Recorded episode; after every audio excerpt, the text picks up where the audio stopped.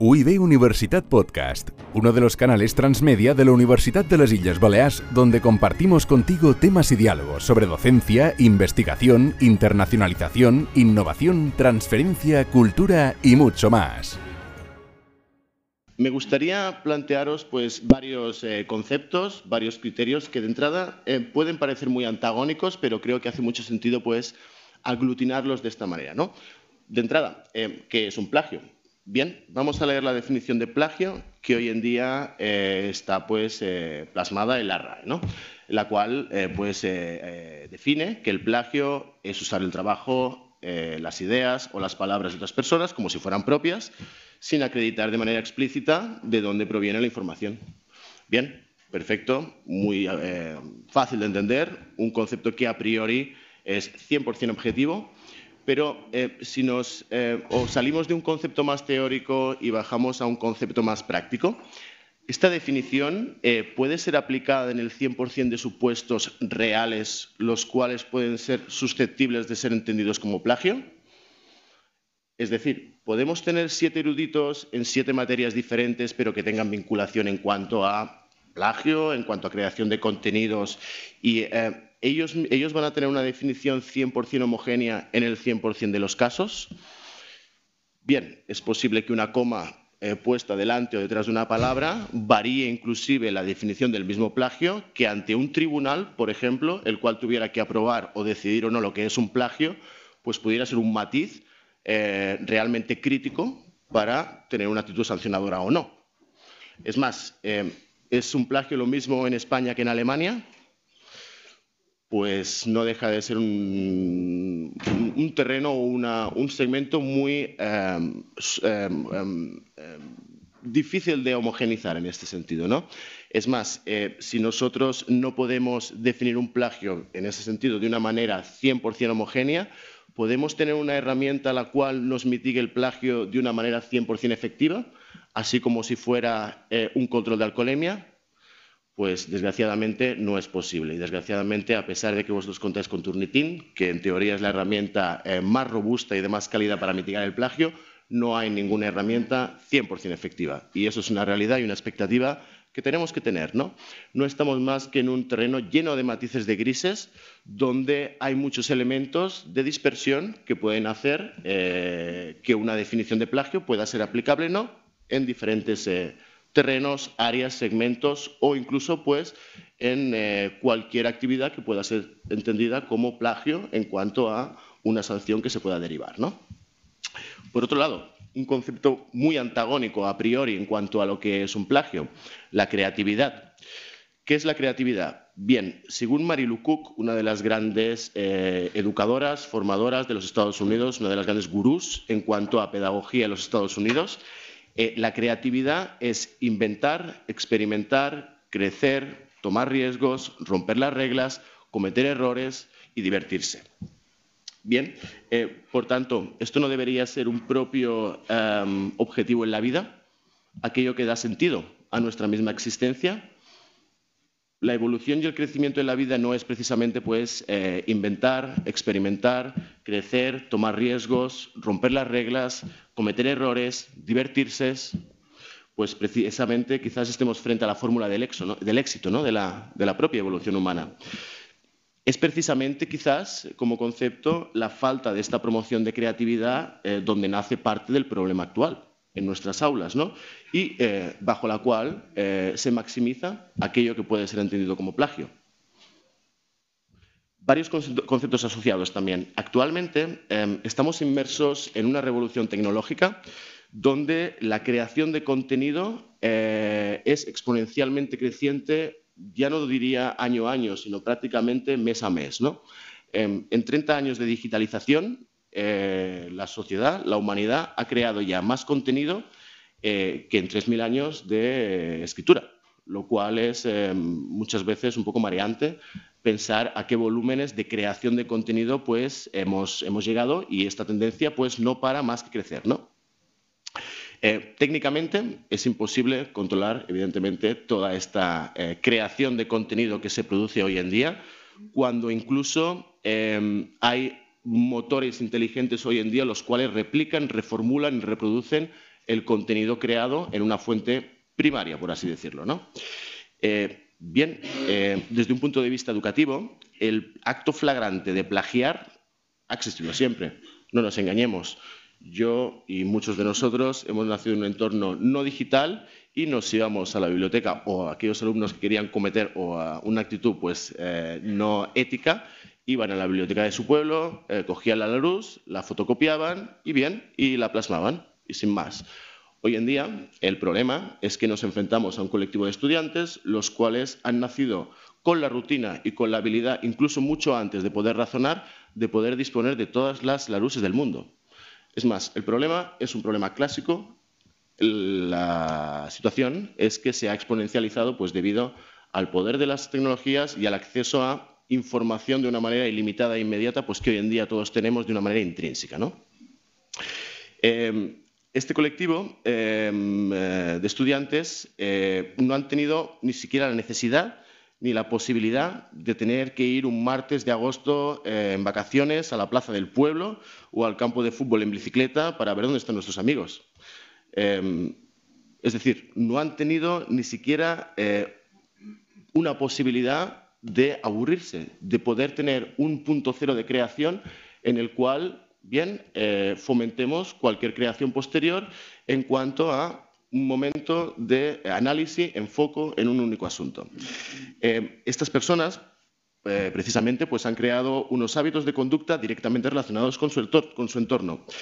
Como beneficio, bien, se puede entender que estos neonatos digitales son eh, mucho más capaces de controlar diferentes asuntos en la dispersión. Está dicho pues, que un neonato digital es mucho más eh, multitasking, ya fuera en actividades académicas o no, y puede controlar estos asuntos de una manera pues, mucho más eficiente, quizás no obteniendo un 9 o un 10 o un 8 en eh, todos los asuntos, pero posiblemente obtenga un 7 en todo ello. ¿no? Sin embargo, por otro lado, pues debido también a este grado de dispersión, pues estas personas tienen quizás mucha más dificultad en concentrarse, mucha más eh, dificultad en fomentar la reflexión o simplemente en tener foco en un asunto unitario. ¿no? Es decir, no hay atención al detalle. Y esto se puede ver reflejado pues, muy directamente en la calidad de la escritura de nuestros alumnos actuales, los cuales escriben eh, menos y peor debido quizás a la velocidad con la que consumen datos, con la que consumen información y con la que la plasman. ¿no? Y no olvidemos quizás lo crítico que puede ser la escritura para el desarrollo del pensamiento crítico, para el desarrollo de la capacidad de pensar. Es más, si yo soy una persona a la cual se ha instruido en castellano, en español, es posible que mi capacidad de razonar críticamente sea diferente que la de un japonés. Desde un punto abstracto, entendamos lo importante y lo crítico que es la escritura precisamente como para el fomento de este desarrollo crítico, algo que quizás podría ser el mayor legado que se puede llevar cualquier estudiante del paso por, unas aulas académicas, más allá de quizás em, aprender el código civil de memoria. ¿no? Eh, bien, además, en este, vamos a volver a este supuesto del lunes de agosto, cuando encontrábamos a nuestros amigos en nuestra plaza del pueblo. Y bien, y con un palo y una pelota, pues éramos capaces de crear un, universo inmersivo en el cual pues, nos dejábamos llevar y a través del aburrimiento, como comentábamos antes, creábamos. Bien, nuestros alumnos ven muy amenazada precisamente eh, su posibilidad y su capacidad de aburrirse, con lo crítico que es el aburrimiento precisamente para el desarrollo de la creatividad y lo imprescindible que es la creatividad para el desarrollo y eh, quizás la reformulación o evolución de cualquier arte o de cualquier ciencia.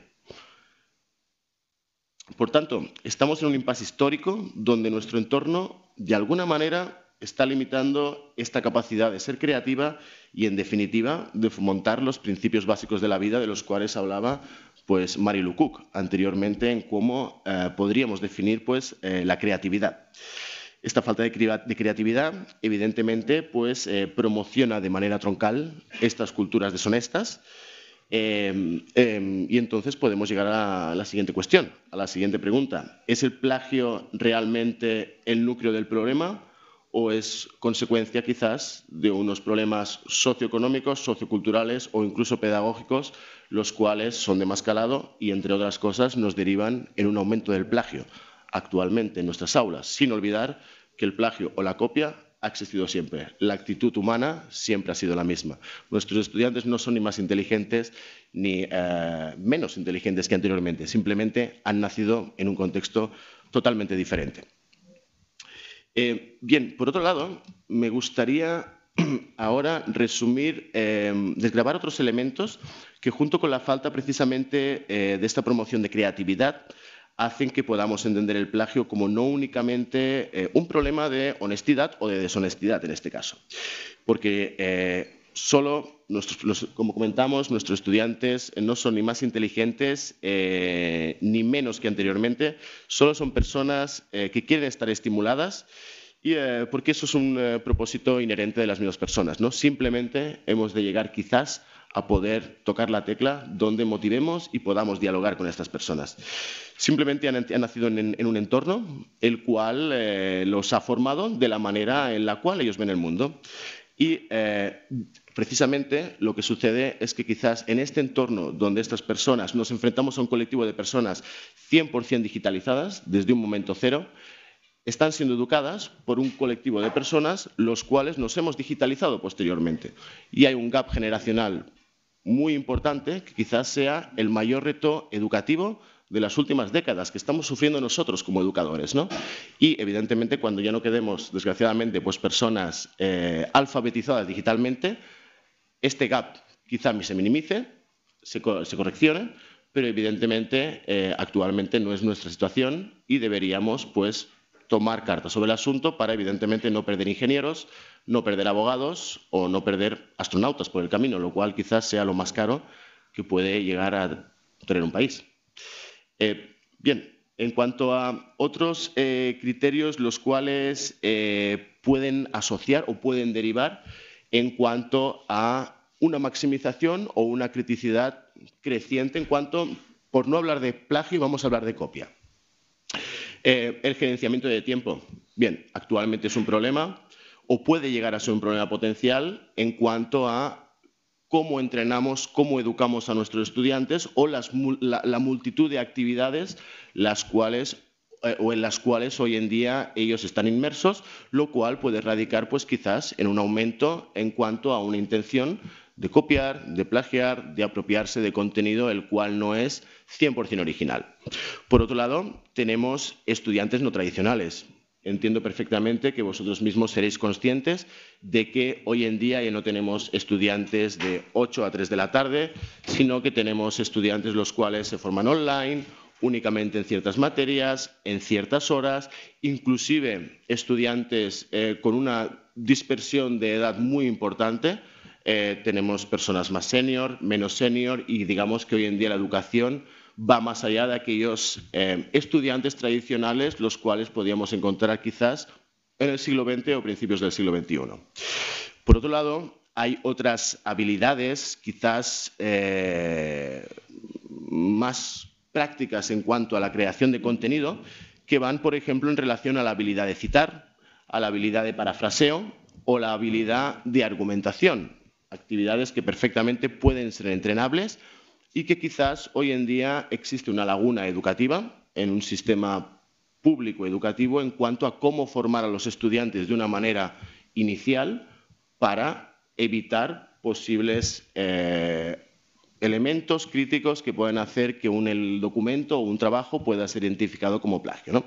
Por ejemplo, a mí me gusta saber poner siempre el mismo ejemplo. Em, no hay universidad prácticamente en el Reino Unido donde trabaja Sara donde no haya un director de integridad académica, el cual, de manera inicial, por ejemplo, se encarga de formar a los estudiantes en cómo tienen que citar, cómo tienen que parafrasear, cómo tienen que argumentar cualquier argumento, valga la redundancia, en cualquier documento de una manera troncal, es decir, un seminario, un curso de unas semanas, de unas eh, horas, inicialmente a cualquier periodo de formación universitaria, ya que todo este paquete de educación en cuanto a integridad académica van a ser unos valores los cuales tienen que aplicar eh, desde derecho hasta matemáticas, por ejemplo. Y esto quizás en universidades más de un origen latino, hoy en día pues es una laguna la cual es una realidad, es una evidencia y en el mundo global en el cual nos encontramos pues eh, igual está dejando de tener, está dejando de tener sentido, ¿no? No poder no equipararnos a bien a culturas donde haya quizás una madurez mucho más importante en cuanto a una defensa de integridad académica. Bien, evidentemente esto eh, también radica quizás en unas posibilidades inferiores por parte de los estudiantes a poder tener un razonamiento crítico, ya que no, están siendo estimulados para ello y, eh, por otro lado, están siendo sobreestimulados, infoxicados en eh, toda aquella información o infoxicación la cual ellos tienen en su dispositivo 24 horas al día de una manera ilimitada e inmediata.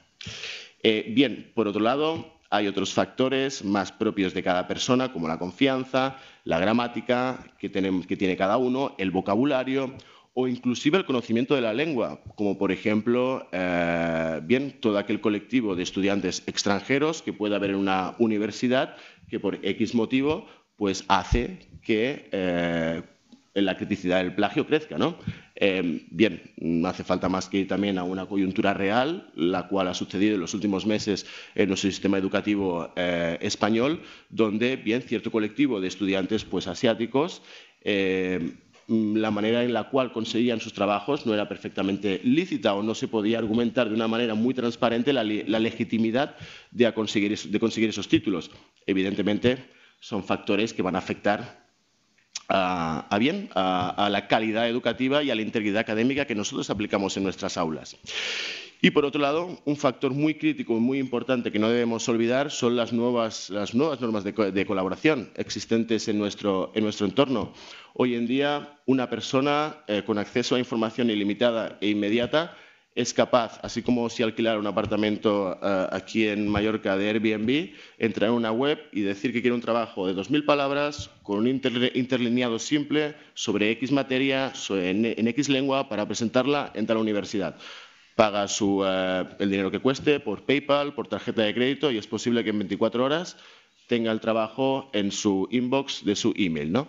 Entonces, pues son factores que evidentemente debemos tener muy en cuenta.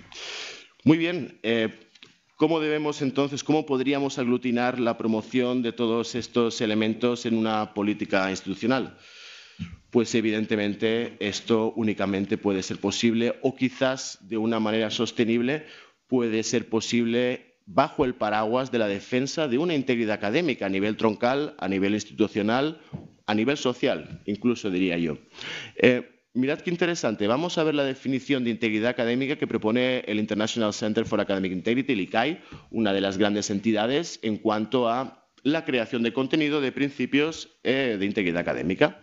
Bien, ellos, eh, o el ICAI, define que la integridad académica es el compromiso, incluso frente a la adversidad, eh, a seis valores fundamentales. Honestidad, confianza, equidad, respeto, responsabilidad y coraje.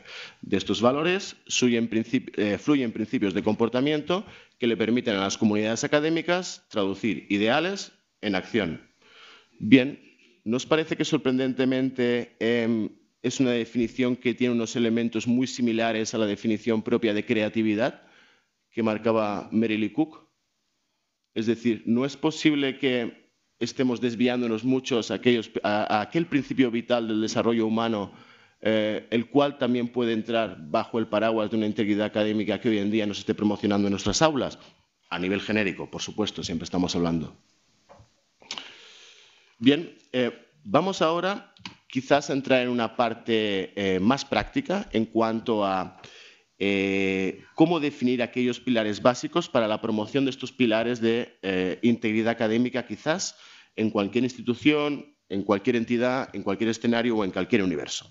Bien, de entrada, evidentemente es necesario pues, eh, definir unas prácticas y unas políticas institucionales para poder aglutinar bajo este paraguas pues, cualquier principio, principio que queramos adoptar. Esta adopción de integridad académica o estas políticas nos van a poder, evidentemente, pues, poder adoptar esta integridad académica eh, de una manera troncal, tanto para profesores como para estudiantes. Eh, y bien, eh, lo que es necesario precisamente pues, es instruir tanto a formadores como a estudiantes en cuanto a estas normativas basados en aquellos valores que nosotros consideremos como troncales dentro de nuestra institución. Como primer paso, perfecto, definir en un papel aquellas políticas, aquellas metodologías, aquellas buenas praxis que nosotros queremos fomentar, es básico. A partir de ahí, es evidentemente muy necesario eh, aumentar la concienciación de todo nuestro staff. No estamos hablando únicamente de estudiantes, sino de todo el colectivo, el cual tiene una responsabilidad educativa desde A hasta Z, evidentemente. Comunicar claramente estas normas de comportamiento esperadas, tanto alumnos como profesores, como comentamos, sin una expectativa diseñada, eh, nunca va a existir eh, un rumbo en el cual todos podamos estar pues, eh, encuadrados y enmarcados. Y evidentemente, con estas prácticas lo que podemos conseguir pues, es estimular o debemos conseguir es estimular a los estudiantes a asumir responsabilidad de cumplimiento en cuanto a, nuestra, a la misma integridad que nosotros definimos. Es decir, em, hay que tocar la tecla de los estudiantes para que ellos entiendan que evidentemente no estamos forzándolos a algo que les va a suponer más trabajo, sino que al contrario estamos enseñándoles a, a trotar, a correr para el día que tengan que hacer un sprint, pues lo pueden hacer con la mayor efectividad posible, así como si fuera cualquier actividad física. En cuanto a esta educación eh, que nosotros eh, lanzamos a los estudiantes, pues es muy importante reforzar el rol del docente como aquel mentor confiable y aquel modelo de persona que más que un fiscalizador o un evaluador, es una persona que está ahí para acompañar el desarrollo del propio estudiante, no para señalarlo cuando no se cumplen los objetivos. Es decir, no ser un policía, sino evidentemente ser un educador, que entiendo que ser un educador es una profesión eh, muy autodidacta, así como podría ser un bombero o un policía, quizás, y lo que queremos, pues evidentemente, es educar, no ser policías. Eh, bien, abogar por un aprendizaje eh, continuo y para toda la vida, pues también será el mayor beneficio que los estudiantes puede que se lleven de su paso por, por las aulas. Y bien, y básicamente, pues desarrollar estos procesos de evaluación que apoyen al proceso de aprendizaje de los mismos estudiantes. Es decir, no solo evaluar el resultado, sino el progreso del mismo estudiante como aquel elemento crítico de desarrollo, de mejora y de evolución de cualquier persona que se está formando. Y no olvidemos que evidentemente hoy en día deberíamos entender que cualquier persona se está formando hasta el día de su muerte.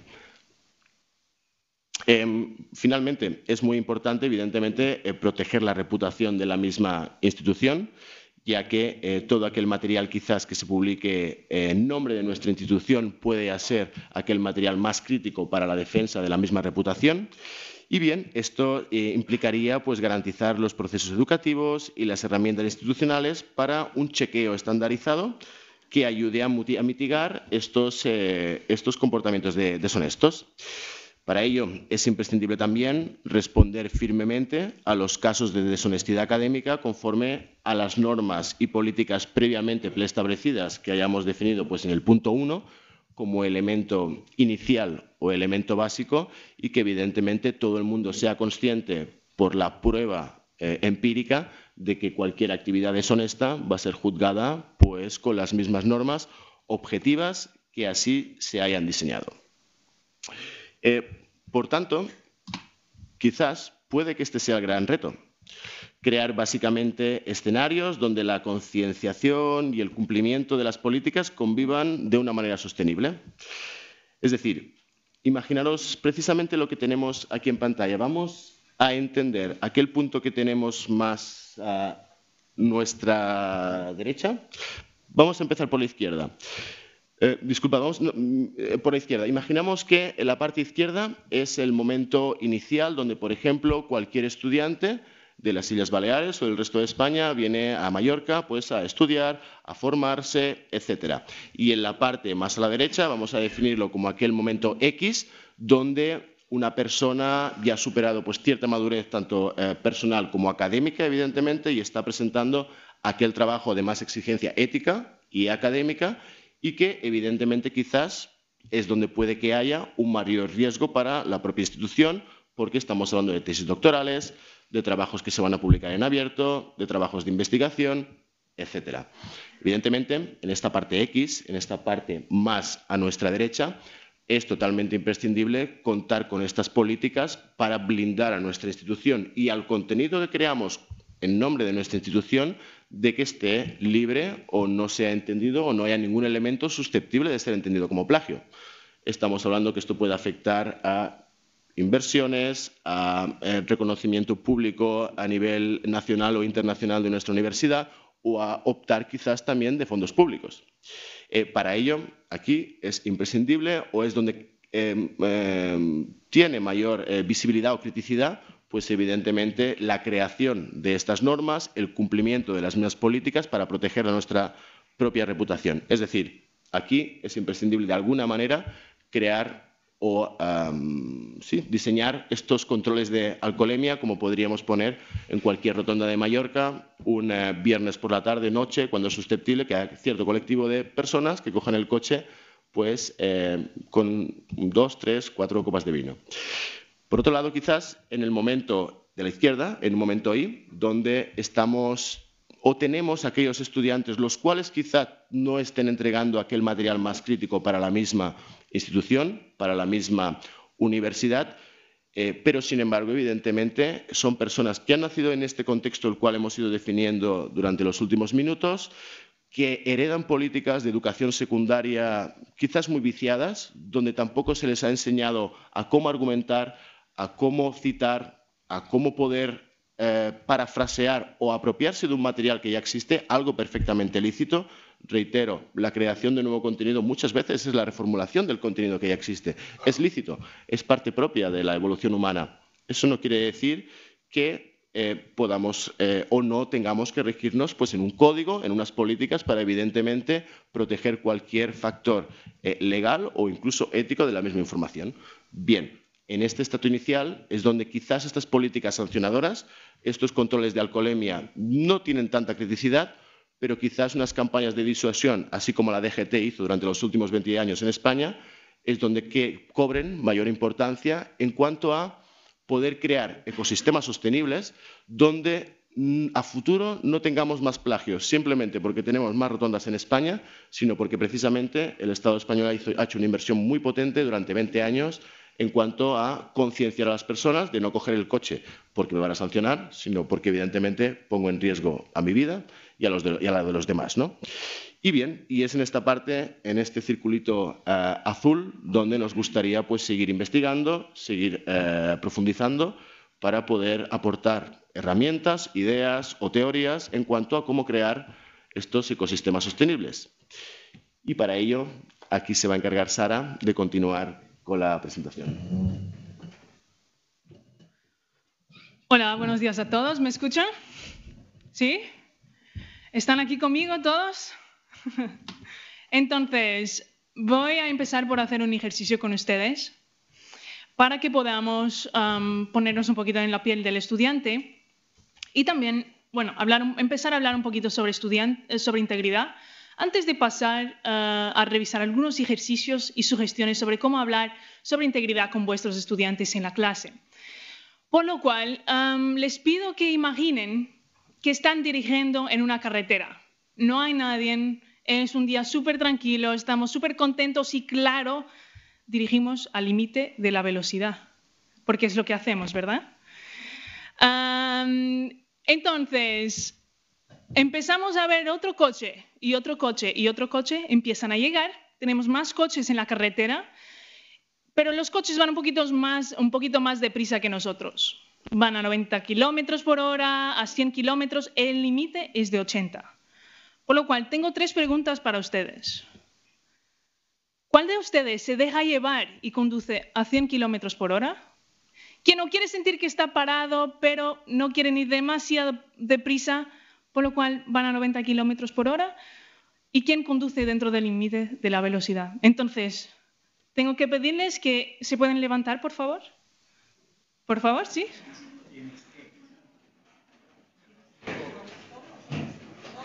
Sí, sí, sí, sí, sí, posible. Entonces, ¿quién de ustedes se deja llevar y conduce a 100 kilómetros por hora? Oh, hay que ser honestos esta mañana.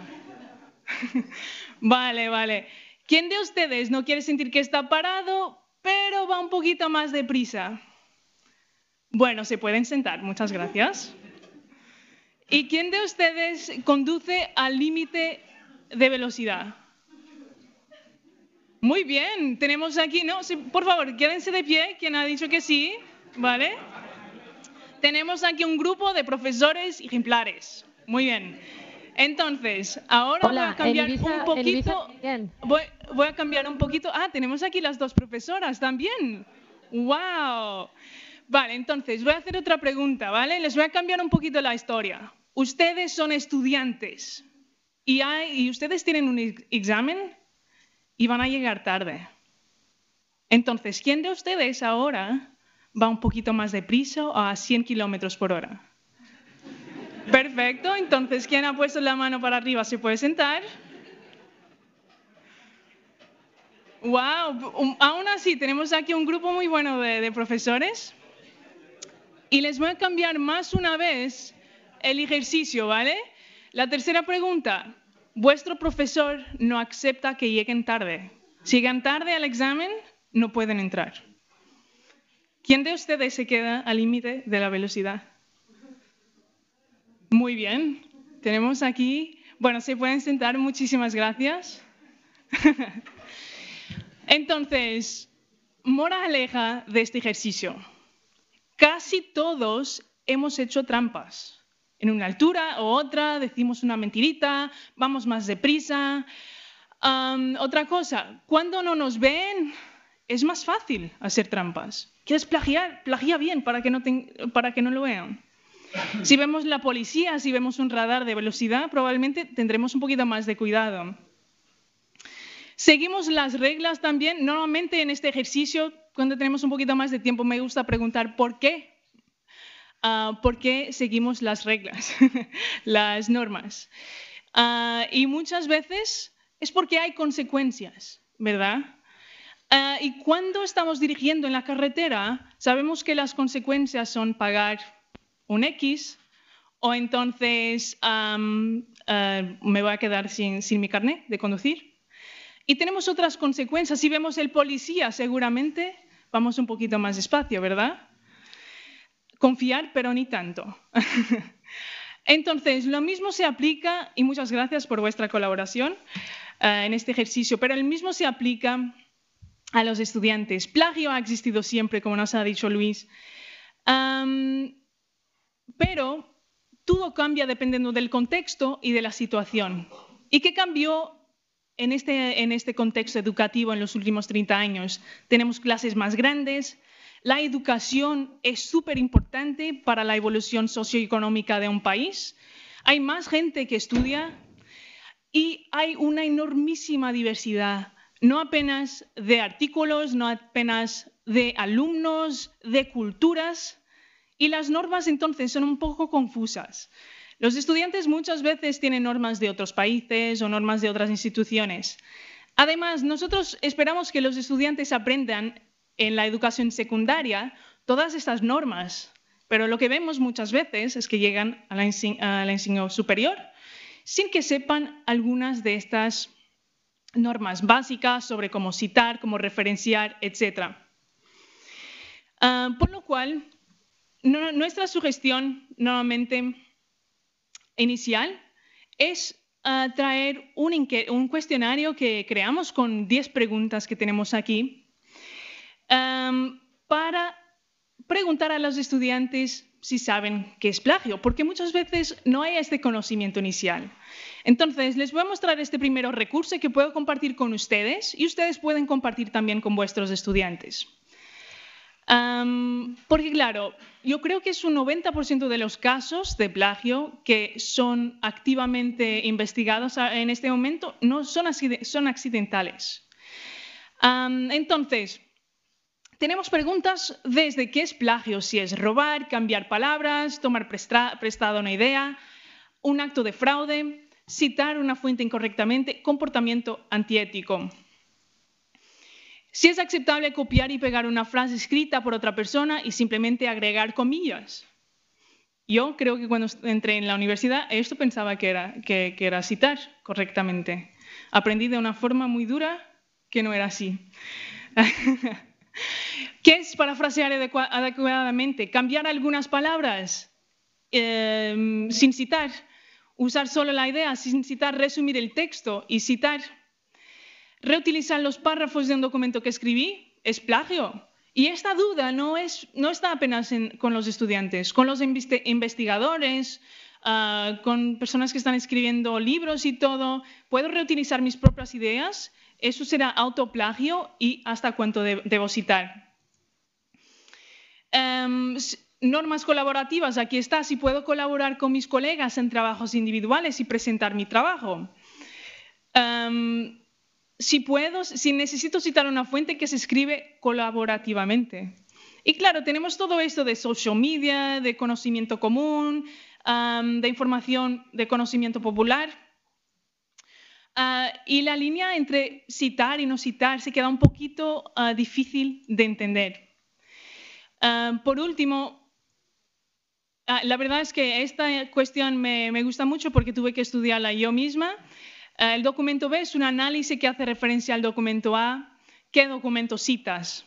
Entonces, estas dudas iniciales, especialmente en los primeros años, son un poco difíciles. ¿Y cuáles son las consecuencias de plagio? En el final, ustedes van a tener los resultados.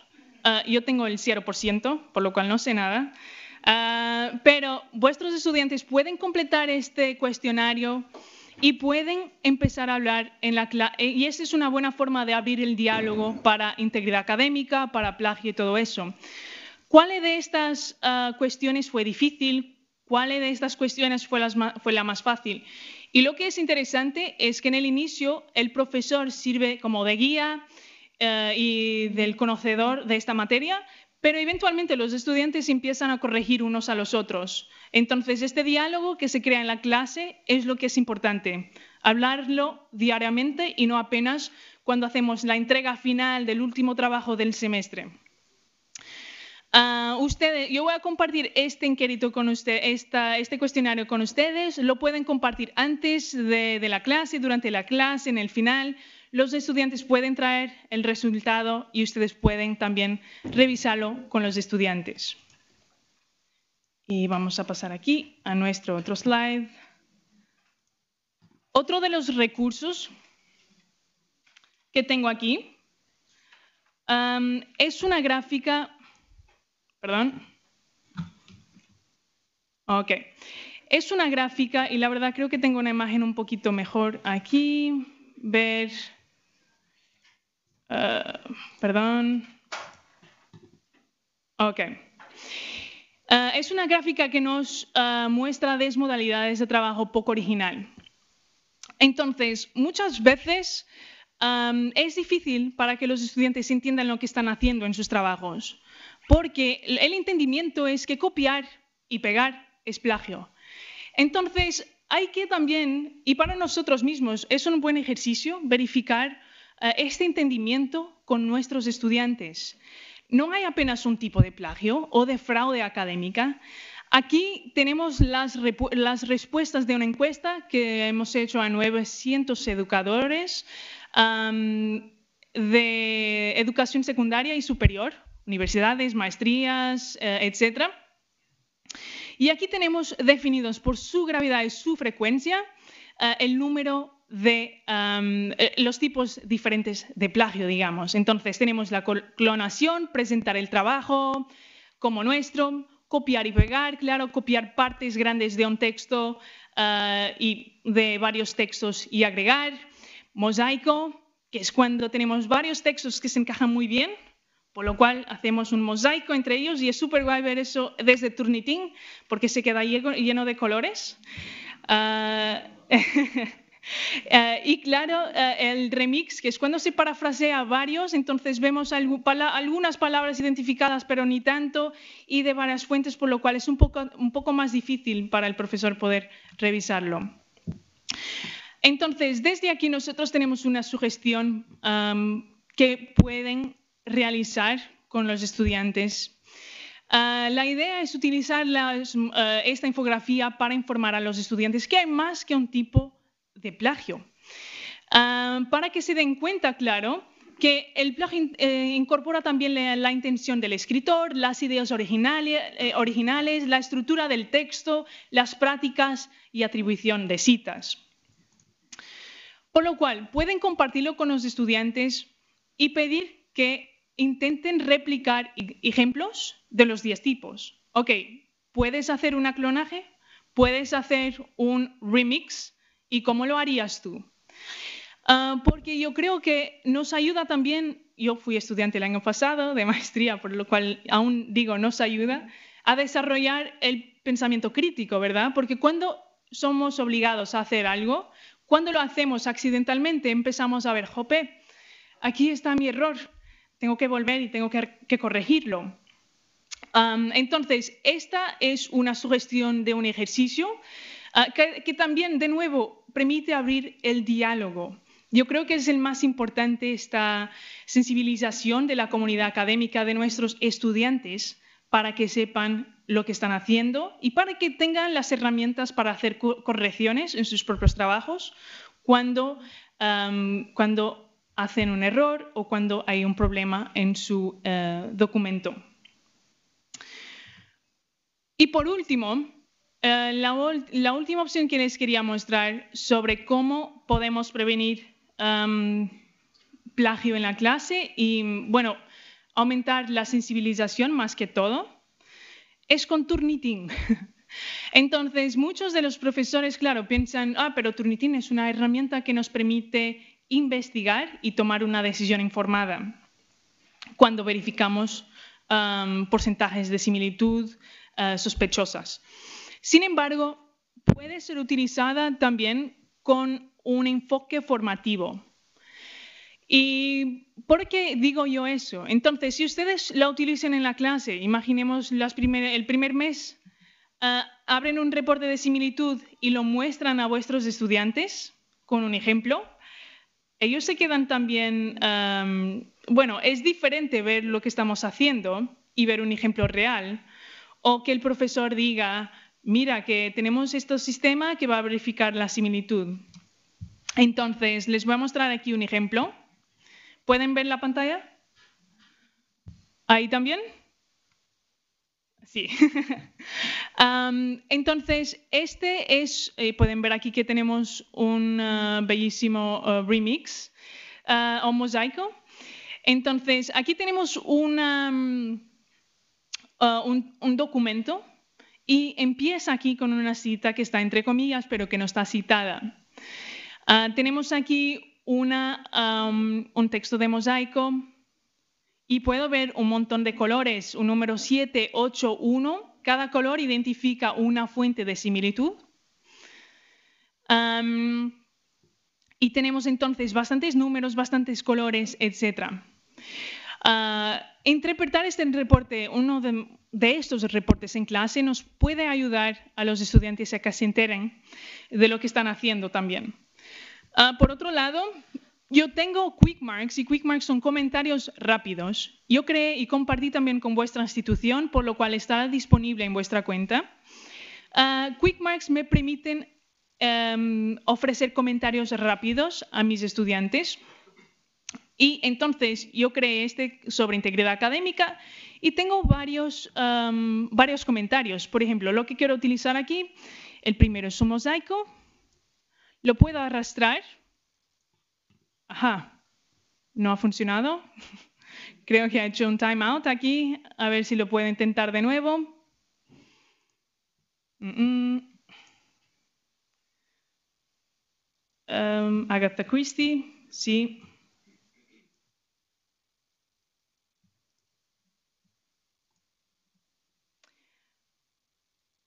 Y de cualquier forma, es una cuestión de eh, ser un poquito más efectivo, claro, en la forma que ofrecemos feedback, por lo cual tenemos nuestro documento y yo voy a seleccionar la primera opción. Para quien se va a quedar eh, en las próximas dos sesiones, revisaremos un poquito más sobre Turnitin también. y entonces yo quiero ofrecer aquí un comentario, es un mosaico y me indica material copiado de múltiples fuentes que encajan bien si quiero decirle también para reescribir, tengo aquí una opción, reescribe este texto. Pero además, yo puedo preguntar a mis estudiantes qué comentarios os gustaría recibir, qué comentarios creen que serían ah, eficientes, efectivos, a darles este mensaje, que ustedes tienen que reescribir este texto, que hay algo que no está bien. Entonces, todo eso son sugestiones de cosas que pueden hacer en la clase y pueden compartir con vuestros estudiantes. aquí en la parte de abajo yo quiero decir a mi estudiante para hacer paráfrasis de la cita actual, por lo cual lo quiero arrastrar y tengo la información, esta sección coincide con el contenido existente en la base de datos de Turnitin. Los textos que hacen referencia a ideas o información de una fuente deben citarse directamente o parafrasear. Por lo cual, tenemos bastante información aquí que podemos ofrecer a nuestros estudiantes ah, para que ellos mismos ah, hagan estas correcciones. Pero hablar con los estudiantes sobre esto en la clase, mostrarles un reporte de similitud en la clase, tiene un valor bastante grande, porque podemos pasar un mensaje que por veces no se puede pasar cuando eh, lo escribimos apenas en un email especialmente si ellos pueden ver, por ejemplo, uno de sus, propios, de sus propias entregas. Para terminar, ah, claro, podemos hablar un poquito sobre las consecuencias de plagiar, pero creo que Luis nos ha dado varias, varias informaciones sobre eso. Sin embargo, hablar con los estudiantes sobre eso es muy importante.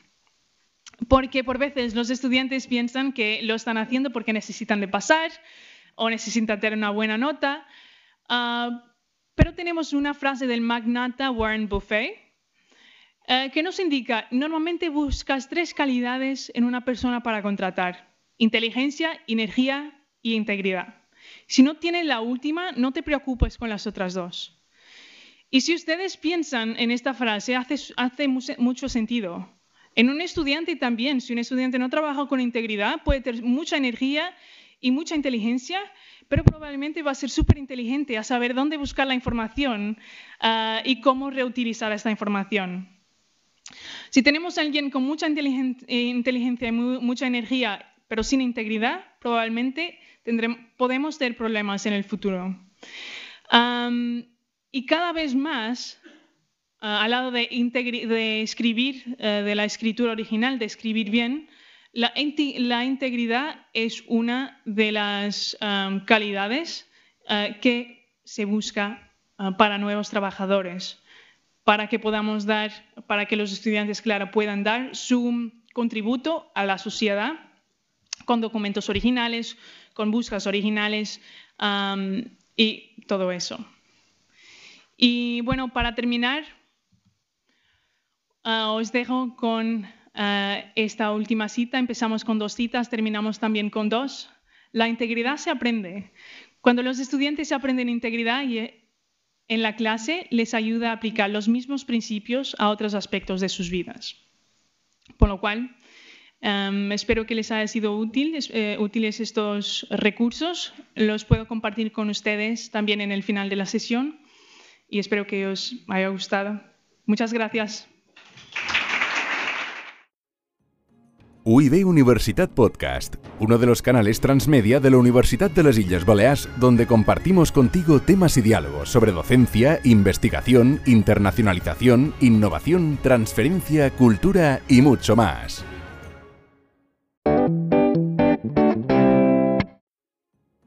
UIB Universitat Podcast, uno de los canales transmedia de la Universidad de las Islas Baleares, donde compartimos contigo temas y diálogos sobre docencia, investigación, internacionalización, innovación, transferencia, cultura y mucho más. La segona experiència me l'explicarà la professora Catalina Pons del Departament de Dret Privat i té com a títol Avantatges i inconvenients de l'aplicació de la pedagogia inversa en els estudis de grau de dret. Gràcies. Bé, bon dia a tots. L'avantatge de parlar després de Santiago Cabanillas és que hi ha moltes de les qüestions que jo volia plantejar que ell ja les avançades impartim els mateixos ensenyaments, el mateix grau i per tant hi haurà moltes de qüestions més o menys comunes en les que ell hagi exposat. Sí que vos he de comentar que eh, la tècnica de l'ensenyament eh, invers, de l'aprenentatge actiu dels alumnes, jo no l'aplico al 100%. Vull dir, jo no l'aplico de manera pura com el plantejament que mos ha fet ell Jo més aviat funciono en projectes distints que anem organitzant cada any i en aquests projectes sí que és el protagonisme pràcticament absolut dels alumnes. Però jo amb aquesta qüestió som, no sé si clàssica o romàntica, però a mi me segueix agradant molt la figura del professor. Jo crec que el professor és una figura clau. Aquests dos dies tot el temps han sentit parlar a tots i per tot que els alumnes són els protagonistes de l'aprenentatge. És cert, els alumnes són els protagonistes de l'aprenentatge, perquè nosaltres ens devem als alumnes i nosaltres som aquí pels nostres alumnes. Però el professor és clau en aquest recorregut. Per tant, eh, jo eh, continuo pensant que la nostra funció de guia, de tutorització, de seguiment i d'organització d'alguna manera, de marcar la línia en els nostres alumnes, és bàsica. Jo les primeres sessions de classe eh, els dedic a fer el que s'anomena classe magistral entre cometes, és a dir, duc jo la classe des del començament fins al final. Entre altres coses perquè començam una assignatura no tenim eh, encara eh, el coneixement dels alumnes i jo uns dels altres, no sabem com funcionam i malgrat que ells tenen tot el que seria la eh, informació i els continguts de les assignatures, costa una mica l'engranatge. Jo sempre els plantejo a partir de la tercera setmana de classe que aquí ja començarem la participació activa a dins les nostres sessions, però sempre comença les classes amb uns primers 10 minuts, quart d'hora, depenent de la matèria del dia, allà on jo els faig una introducció amb una sèrie de reflexions per després fer una pràctica a continuació del que hem estat parlant aquest dia i que ells prèviament ja havien de dur llegit des de casa seva. És la manera com jo funciono a les classes i dedica't 5 minuts finals de cada una de les classes a fer a la pissarra un recopilatori de conclusions o de valoració de la feina que hem estat fent aquell dia a dins la classe. Això sí, les meves eh, classes no són de jo xerrar i els escoltar, sinó que contínuament els estic plantejant. I què passaria si això? I a les seves respostes uh, immediatament, bé, però mira, això funcionaria en aquest cas, però te poso un exemple allà on no funcionaria, perquè això sí, perquè això no. I contínuament els estic fent parlar a tots. I contínuament vaig dirigint preguntes a totes les parts de l'aula. Per tant, saben que no poden baixar mai la guàrdia, que han d'escoltar el que jo he dit i sobretot el que han dit els seus companys, perquè en qualsevol moment els faré creure que el que acaben de dir és totalment erroni per llavors que van donant la raó. Mm, pot ser o pot ser no. Però vull dir que els faré plantejament de eh, lo més antagònic possible per fer-los pensar les distintes possibilitats. Es, eh, la nostra especialitat a dret eh, realment és una matèria apassionant en so, mm, des del punt de vista de que pràcticament tots els arguments se poden defensar d'una manera o d'una altra. Jo sempre dic, quan anem a un judici, les dues parts vos convenceran, o manco han d'intentar convencer-vos. Per tant, vosaltres heu de ser capaços de defensar un plantejament i un altre plantejament. I sí que és cert, sí que vos he de dir que si ells a principi de curs, el primer dia, tenen clars tots els, eh, els continguts, el funcionament de la classe, el que vosaltres espereu d'ells i el que vosaltres els demanareu, normalment se posen les piles, normalment. Però jo sí que vos he de dir que, per exemple, eh, enguany he tingut grups de 60 i pico d'alumnes i és bastant més fàcil d'utilitzar el mecanisme de participació continuada dels alumnes. Però l'any passat, que tenia grups de 84 85 en companys que en tenien 101 o 103, realment, quan el número d'alumnes és tan gran, és molt més complicat. I si feim les classes desdoblades, les classes pràctiques, notes una diferència brutal a l'hora de poder fer pràctiques en ells, però quan tens molt d'alumnes és un hàndicap important es poden-los fer sentir protagonistes contínuament a tots a dins la classe. Però sí que és vera que els alumnes el que volen és que no hi hagi un focus d'atenció centrat, sinó que tan aviat sigui protagonista com els seus companys i estar atents uns en els altres. I vos volia comentar el tema dels projectes, que és com han funcionat aquests darrers anys, perquè eh, personalment eh, m'ha agradat molt. Jo compartesc, com el que ha dit el professor Cabanillas, que la classe tradicional, com t'han fet sempre, si la fas íntegrament tu professor xerrant, se fa molt avorrida pel docent. Jo us he dit que per a mi és important que nosaltres estiguem còmodes, perquè si nosaltres entrem a classe a gust, disfrutem amb el que feim i som capaços de transmetre-ho als nostres alumnes, també tenim moltes més opcions d'enganxar-los que no si mos veuen avorrits. Jo us he de dir que quan tinc dos grups de la mateixa assignatura, jo sé que la primera classe que faig en el primer grup, eh, tal volta no està tan perfeccionada perquè no tens el 100% de seguretat de com respondran els alumnes i a la vista de com ha funcionat aquesta primera classe, llavors la pots millorar molt de cara al segon grup. Però personalment m'avorreix soberanament el segon grup. És que me sap molt greu, dic, me sap molt greu, pobrets, perquè en lloc de millorar jo estic eh, desmotivada, perquè això ja ho he contat, això ja ho he explicat, això ja ho he viscut. Llavors m'agrada canviar-ho, fer-ho amb una altra dinàmica. Això se pot fer depenent del perfil dels alumnes que tens. Hi ha alumnes molt actius, que els encanta. Si tu tens la sort de tenir alumnes líders que són actius, que es tiren del grup, en el número d'alumnes que nosaltres tenim és genial. Però si tens tres o quatre alumnes més o menys carismàtics o un poc líders d'un grupet que no estan disposats a fer feina activa, te boicotegen sala i això no funciona. I ho sabem perquè crec que a tots m'ho ha passat en alguna ocasió. L'any passat el que vàrem fer va ser fer un projecte sobre eh, l'elaboració de material audiovisual eh, respecte a la jurisprudència del Tribunal d'Estrasburg de, en matèria de família. El nostre objectiu era triple, per dir-ho de qualque manera. Per una banda, volien que els alumnes fossin conscients de la importància d'aquesta jurisprudència, perquè moltes de vegades molt sembla que és com a molt llunyà, quan realment és el primer instrument, mecanisme que tenim de tutela jurídica dels drets humans. En segon lloc, que vessin quina era la incidència de la jurisprudència del Tribunal Europeu de Drets Humans a dins l'àmbit de la família, dins un àmbit privat, perquè també a lo millor tenen més la imatge de que és més dret públic i que no és tan important a dins l'àmbit privat. No?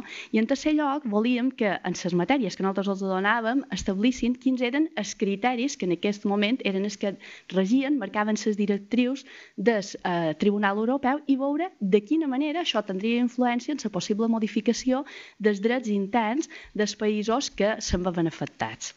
Llavors, era una activitat, aquest projecte, allà on se'ls donaven una sèrie de temes molt concrets als alumnes i els, els alumnes s'havien de repartir entre ells els temes, de manera que tots els temes quedassin tractats i quedassin tocats per ells. El primer repte va ser, són molt d'alumnes, perquè estan parlant de 84 alumnes, a veure com anirà la qüestió de la distribució per temes. Increïblement, en dos dies, la delegada de curs ja va venir i dient, ja ho tenim tot eh, repartit, ja ho han decidit, estan tots els temes repartits, perfecte. La segona feina va ser immediatament donar-los a cada un una carpeta, que això ja ho teníem preparat de l'estiu, en l'estiu el mes d'agost havien fet els deures, allà on els donàvem un dossier complet on hi havia, eh, el primer de tot, eh, quina era la doctrina, la jurisprudència en, en grans trets fonamental sobre aquest tema en el nostre país, principals sentències del Tribunal Europeu de Drets Humans que els podien interessar i en alguns casos també eh, retalls de premsa o recursos que hi pogués ser en el seu abast sobre aquest tema. I la idea era que els alumnes elaborassin un guió per explicar als seus companys a través d'un enregistrament entre un minut i mig i tres minuts a aquest tema, aquesta matèria que els havia correspost. Llavors, el primer que ells havien de fer era empapar-se de tot el material que se'ls havia donat, intentar determinar quines eren les coses que ells creien que eren més importants, fer un guió, una vegada que tenien fet el guió, venien a tutoria per veure si el guió era correcte, la manera com s'havia de desenvolupar, fins i tot alguns ja duien redactat aproximadament el que volien que fos eh, l'argumentari, el test del que seria el seu enregistrament, i després enregistrar-ho. Varen pensar, això no serà cap problema, tot tenen telèfon mòbil, tot tenen tablet i a tots els encanta contínuament estar-se enregistrant. No? Uh, era una activitat que funcionava com a bonus, no era totalment obligatòria. Vos ho dic perquè dels 84 alumnes, pensant en que això era una feina extra i que el primer dia de classe, quan ho varen veure, estava posat ja a seguir docent, es varen queixar una mica, finalment n'hi va haver 54 dels 84 alumnes que el varen lliurar. I a més a més, increïblement ben fets, perquè és que fins i tot varen cuidar moltíssim tot el que és l'estètica del lloc allà on ho gravaven, depenent de la matèria eh, que ells els tocava desenvolupar. Super ben arreglats, movent-se, cuidant molt el tema de soralitat, perquè sabien que era molt important, estàu parlant per vostres companys, i eh, vos he dit que el resultat va ser fantàstic. I me'l van quedar gratament sorpresos.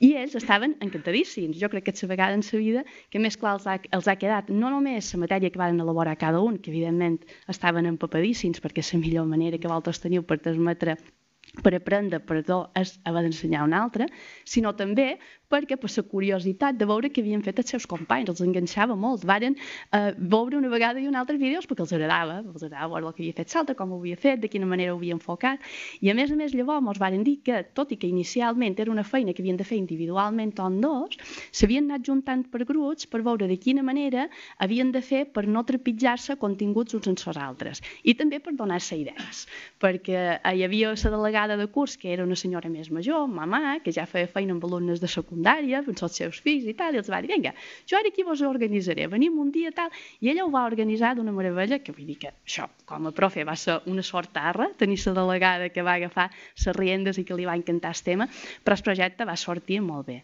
Uh, van passar després una enquesta de satisfacció als alumnes per veure què els havia semblat i el 82% dels alumnes va dir que els havia resultat satisfactori o molt satisfactori i que recomanaven que continuàs aquest tipus de projectes perquè realment havia estat una manera de ja al final de l'assignatura aprendre i demostrar als altres el que havien après, no? i els va agradar molt.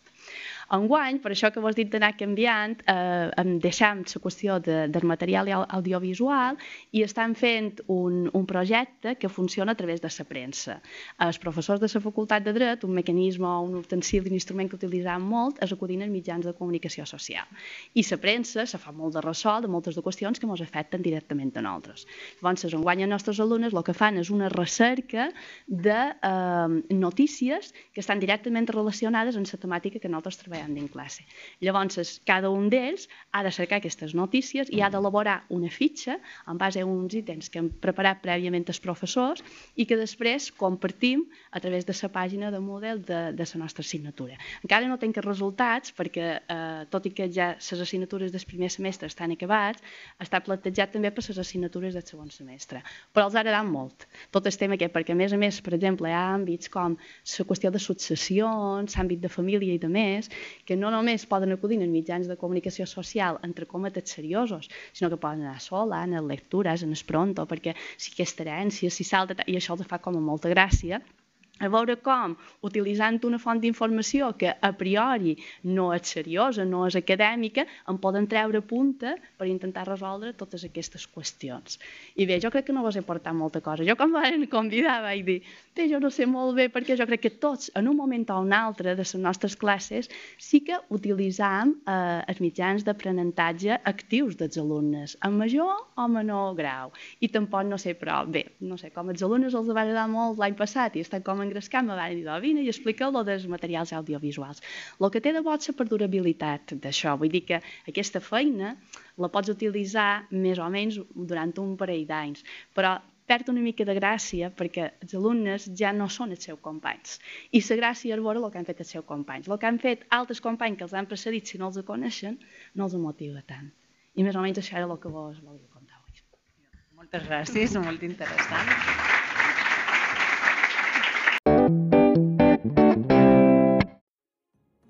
UIB Universitat Podcast, uno de los canales transmedia de la Universidad de las Islas Baleares, donde compartimos contigo temas y diálogos sobre docencia, investigación, internacionalización, innovación, transferencia, cultura y mucho más.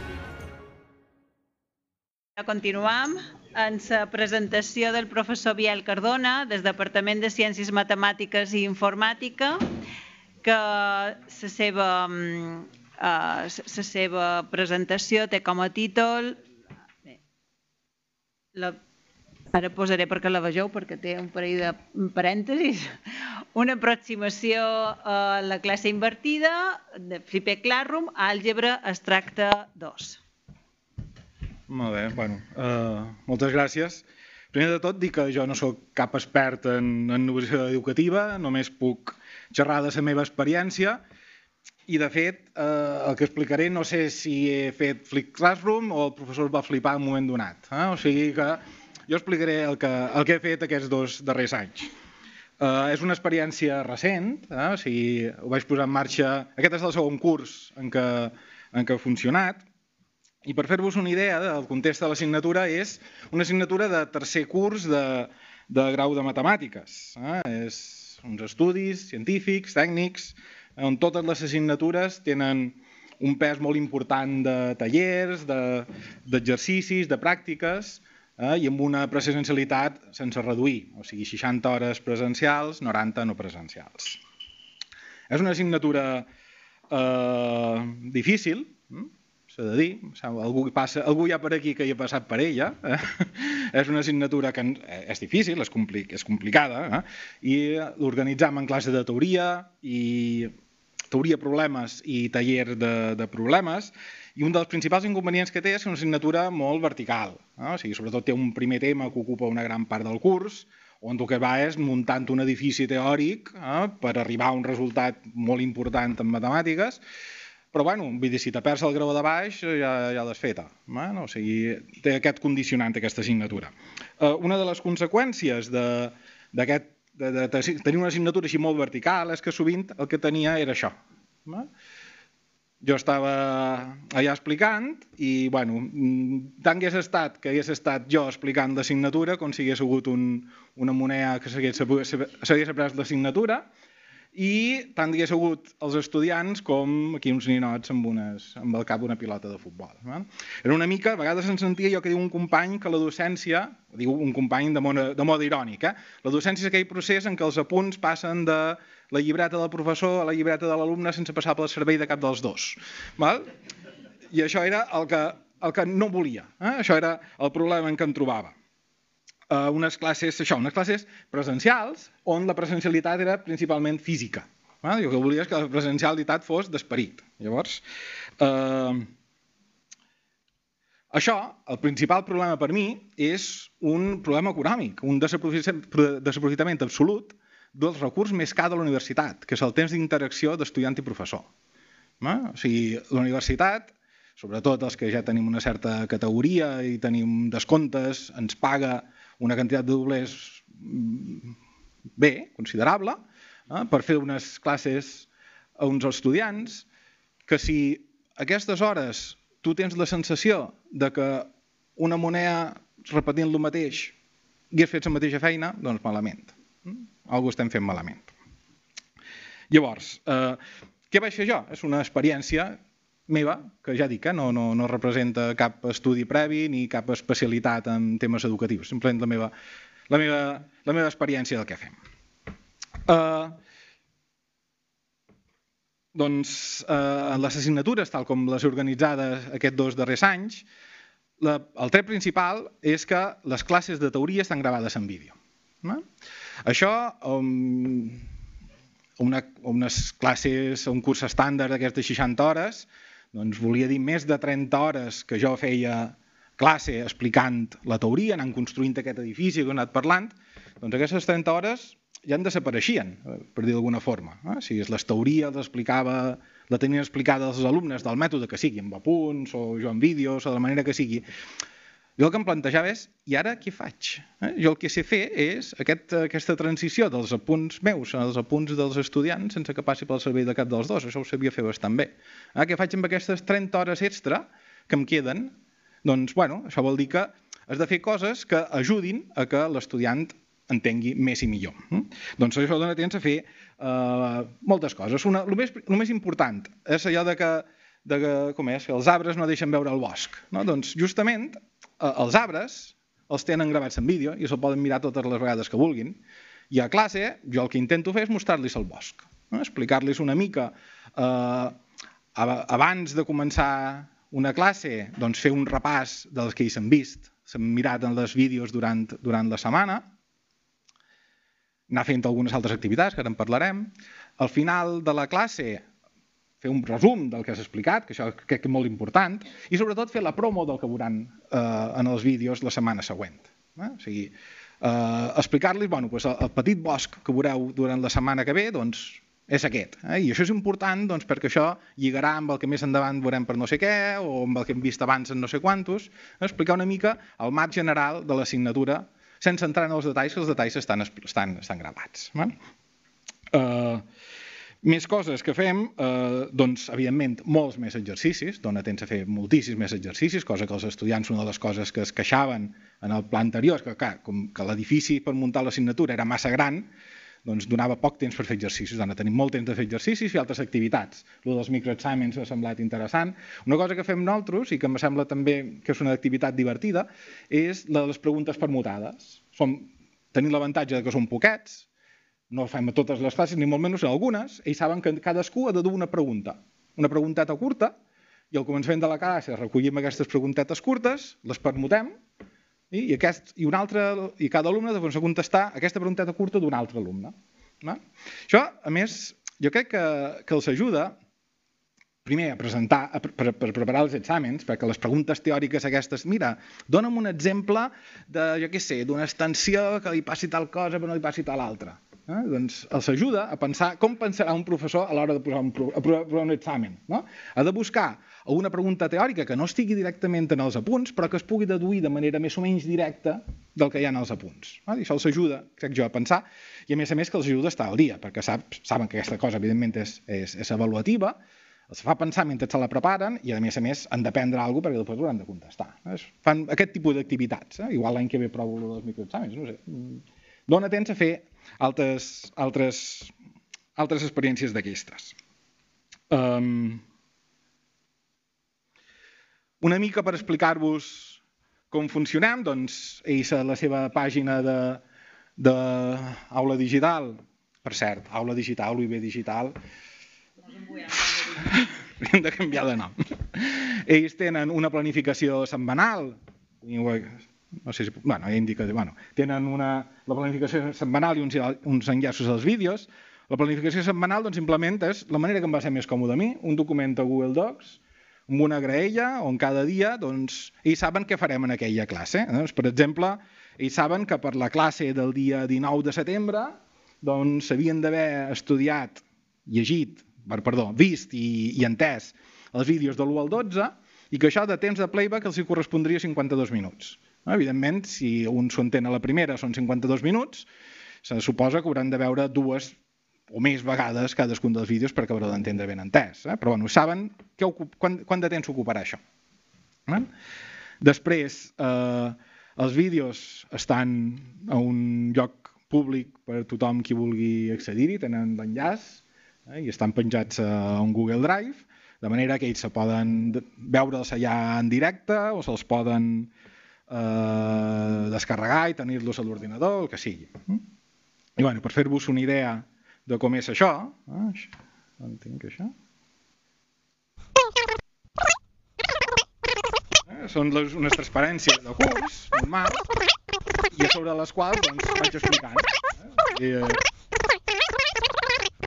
està gravada per velocitat normal, eh? per fer una idea de, de, de, com, de com és. Eh? Ja la, la, el contingut de la transparència i a sobre on, on, on vaig escrivint i on vaig parlant, d'acord? Són vídeos més o menys curtets, cadascun dura 10 minuts màxim. Troba el pause. Aquí. Eh? Bueno, per fer-vos una idea de com, de com, està, de com estan organitzats, d'acord?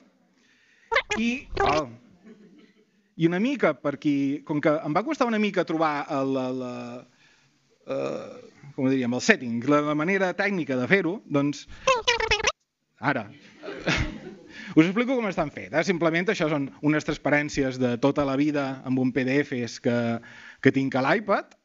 L'iPad, faig servir l'iPad, però amb un Android, eh, amb una tableta d'Android també funcionaria, evidentment.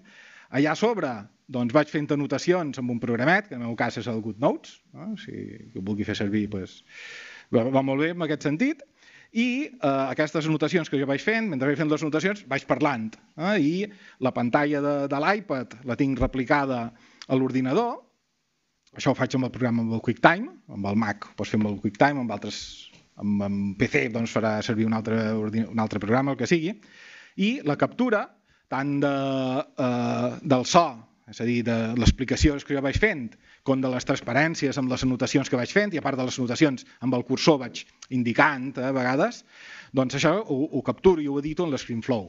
Eh?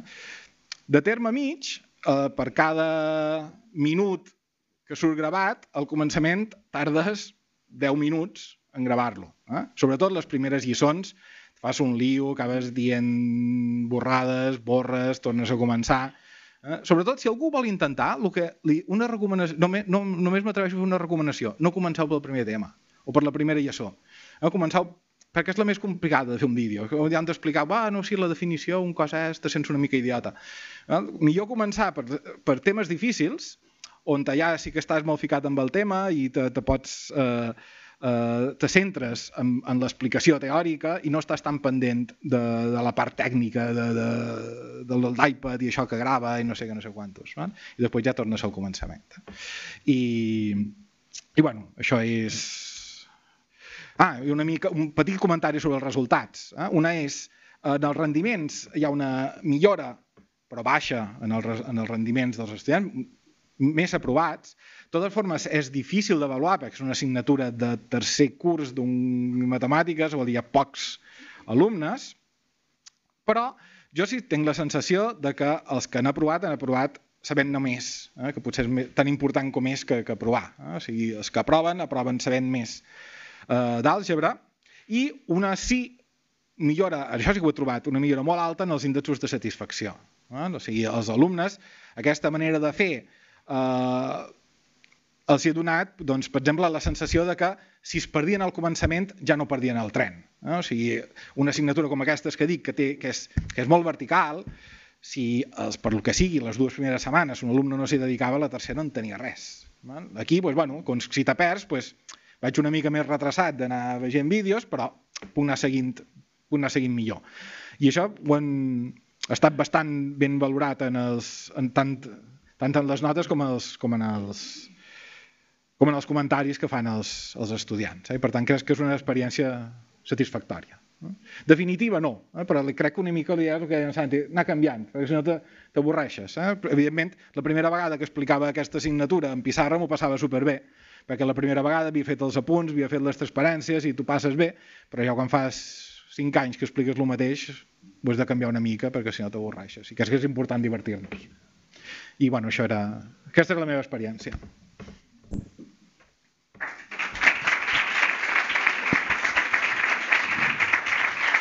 Sí, almenys hi ha preguntes. Moltes gràcies, Biel. No sé si hi ha preguntes. Sí. Aquí, a veure, aquí, aquí hi ha un micro. Aquí hi ha un micro.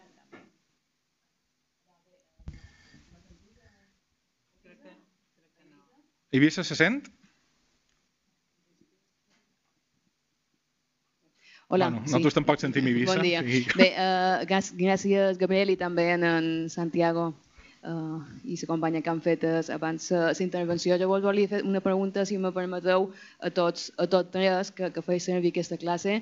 El primer curs, com ho veus? Perquè tu has dit que és a tercer i me pareix que en Santiago també ho fa més, més endavant. Jo he tingut l'experiència de fer durant quatre anys un sistema mig no? de, de classe invertida i al final ho he deixat fer perquè no me seguien. No? Ja podies posar mini examentets que al final veies que, que, que n'hi havia fins i tot que venien a fer l'examen i després se n'anaven. No?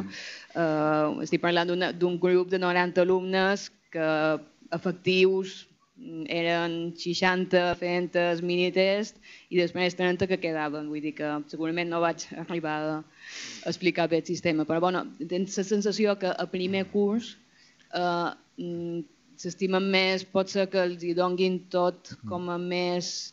Eh, està tot ordenat i, i ho tenen tot controlant, no? però tens sensació que, que esperen una altra cosa, no ho sé. Home, jo, no sé, vosaltres què opinareu? Jo opino que a primer curs, primer són, són més madurs, paguen la novetada de, de venir de l'ensenyament secundari i aquest tipus de coses potser els costa una mica més. Jo potser, probablement m'atreviria a fer algun tema puntual, no? Vull dir, alguna cosa que jo no consideri super central del curs, però si faig, jo què sé, un, ara que tenc en Pedro aquí, un tema de, de, de geometria, eh? fer, faig una assignatura de geometria, doncs fer un tema d'introducció a les altres geometries, eh? geometria parabòlica, geometria elíptica, doncs potser m'atreviria a fer, a fer aquest tipus d'experiències, però no com a nucli central del curs. La meva opinió, eh? no sé vosaltres què opineu. Jo, jo coincideix, jo amb els alumnes de primer faria qualque activitat puntual, però no ho faria com a eix central. I a part també el problema que manco tenim a dret és que tenim moltíssims d'alumnes. És que en els grups te passen de, de 100 alumnes. Jo és que ho veig inviable, perquè allà tota una feina molt important llavors dins l'aula de fer eh, una tasca individual en cada alumne. Precisament l'avantatge que té és que si ells fan molta de feina a casa, tu pots dedicar les classes a personalitzar més la necessitat de cada alumne i a fer una part més pràctica i a incidir en el que tu veus que no acaba d'encaixar. Si tu tens cent i pico d'alumnes, personalment jo no ho veig factible. Yo soy de los que pienso que todo se puede hacer. Eh, todo se puede hacer. Lo que pasa es que todo requiere adaptaciones eh, y, por supuesto, que caben soluciones parciales. Una posible solución parcial sería hacer solo invertida en las clases prácticas, en, las que tienes ya un grupo de 40, 45 alumnos, como una primera solución. Eh, lo que sí es cierto es que si haces enseñanza invertida fuerte en primero, tienes que adaptarla muchísimo a unos estudiantes que desgraciadamente no vienen de la secundaria todavía. No sé, el día que en la secundaria se trabaje por proyectos, como sale en la prensa, el día que en secundaria se, se, rompa el modelo del profesor que da clases magistrales, pues en la universidad no pretenderán lo mismo, pero todavía lo cierto es que pretenden lo mismo. Y, y, quizá, pues, no, no sé, yo, yo, como soy súper lanzado, yo me tiraría, pero, pero entiendo, vamos, que también se pueden hacer otras cosas y una posible solución, creo que Paula va a añadir algo, es eh, hacer las clases prácticas, pensar, pero siempre pensando muy bien algo que sea asequible para un estudiante de primero, porque yo creo que el estudiante de primero hay que dar un trato muy especial, viene un poco muy, muy verde. ¿no? Jo te diria que al contrari. Crec que és molt bo primer que comencem amb aquest tipus de metodologies. Jo la faig primer. Vale? Tenc diverses assignatures i, i faig aquesta metodologia. No tota, evidentment, però sí que la vaig introduint. I jo crec que és molt important que ho facem, perquè és el moment en què l'alumne arriba a la universitat, no sap encara com és la universitat, i pot començar a aprendre que li correspon a ell i responsabilitat seva el seu aprenentatge. I crec que és el moment en què l'han de captar d'aquesta manera, perquè després a cursos més, eh, més alts aprofitaran molt més aquestes classes així i els sabran fer. Jo eh, també tenc bastant d'alumnes a primer i també és vera que curiosament, vull dir, a vegades hi ha bastant absentisme i aprofita aquest absentisme per als que si venen a classe pues, fer això. I és molt més, o sigui, per, per part meva és engrescador per jo i engrescador per ells també la connexió amb ells i la forma d'introduir-los és molt més. I vull dir, el que a mi m'adona esperança de que sí funciona és el fet de que jo després també faig classes a segon a un altre grup, és a dir, no seria la continuïtat d'aquest grup, per dir-ho d'una altra manera, és un altre número i no seria la seva continuïtat. I quan mires el número de matric matriculats que tenc allà, moltíssims venen de primer, inclús no són a lo millors que provaren. I llavors me queda a mi la sensació de que potser no han arribat a fer el millor l'aprenentatge, però saben que volen fer l'aprenentatge d'aquesta manera i jo ho valoraria molt positivament. Si passau, no sé si eh, Joan Frau vol fer una pregunta, no sé. Bé, bon dia, uh, gràcies. Bé, jo havia una pregunta que era exactament la mateixa que acabes de fer, si, si un pot si teniu l'experiència en grup de, un, de, un grup de primer. I, i la segona, eh, Biel, era un... A menys, jo també tinc una assignatura, o de les que de vegades don, que és uh, d'aquest perfil que tu comentaves com s'ha posat, que has de construir a partir d'un fonaments teòrics d'ús, la química quàntica, i a partir d'aquí va desenvolupant l'assignatura. I, I la pregunta era, amem, els alumnes que actualment tot el mm, que, va, lo que és immediat és el que funciona per ells, el mm -hmm. que és ràpid és el que funciona, el que empleem poc temps, diguéssim, el que funciona. Aquests vídeos, que si no ho entren malament, són relativament llargs? No, són, són relativament curts. Pues ho entenc malament. Algun any hi ha que és, que és, que és més llarg, eh? però la majoria... Pues, o sigui, el que hi ha està més o menys plantejat que per cada setmana de vídeos tenen una hora d'escolta. I aquesta hora normalment són 6, 7, 8 vídeos diferents. No? O sigui, n'hi ha que Potser més, eh? N'hi ha que són de 5 minuts, n'hi ha que són de 7, n'hi ha que són de... Està, la mitja jo diria que són 7 Vale, minuts vale, els vídeos. M'havia donat la impressió, segur que ho entès malament, que, era, que eren més llargs i clar, anàvem per un poc aquí de... Sí, no, és, és un vídeo... rebuig que hi pogués saber... Eh. O no, perquè ha tingut bons resultats. Sí, jo crec que una de les gràcies és aquesta. Ells estan acostumats a això, en es, en es, en les píndoles aquestes, Sí. no? De, de, de... No ho és tant, eh? perquè són 7 minuts, és una mica més, però jo crec que també ajuda... Eh... No, la, la La part longitud. positiva que m'ha parescut molt bé és això de la capacitat de tornar enrere. Dir que clar, durant la primera setmana diguis, ostres, ja, ja, aquí ja no puc continuar, ja abandono. Mm. Tens una opció de, Sí. de tornar enrere. I a més, jo crec que un, un, un punt que també és bo és a l'hora de, dels dubtes que puguis tenir, els que són més vergonyosos, igual a classe no entenen alguna cosa i no t'ho diran, però en canvi, si veuen els vídeos, pues, te poden dir, mira, en el vídeo 13, en el minut 3.15, aquí dius que això passa i jo no veig per què. No? I vull dir... eh, Sí, sí, sí, sí. Aquesta manera de, de poder revisitar les classes, jo crec que és positiva tant des punt de vista de que ho puguin escoltar diverses vegades per entendre-ho millor, com per mm, poder identificar aquelles coses que no entenen i poder donar respostes. Gràcies a tu.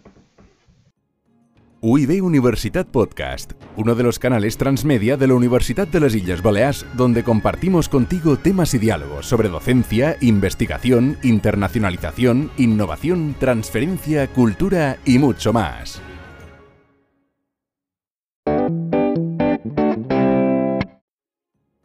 UIB Universitat Podcast, uno de los canales transmedia de la Universidad de las Islas Baleares, donde compartimos contigo temas y diálogos sobre docencia, investigación, internacionalización, innovación, transferencia, cultura y mucho más.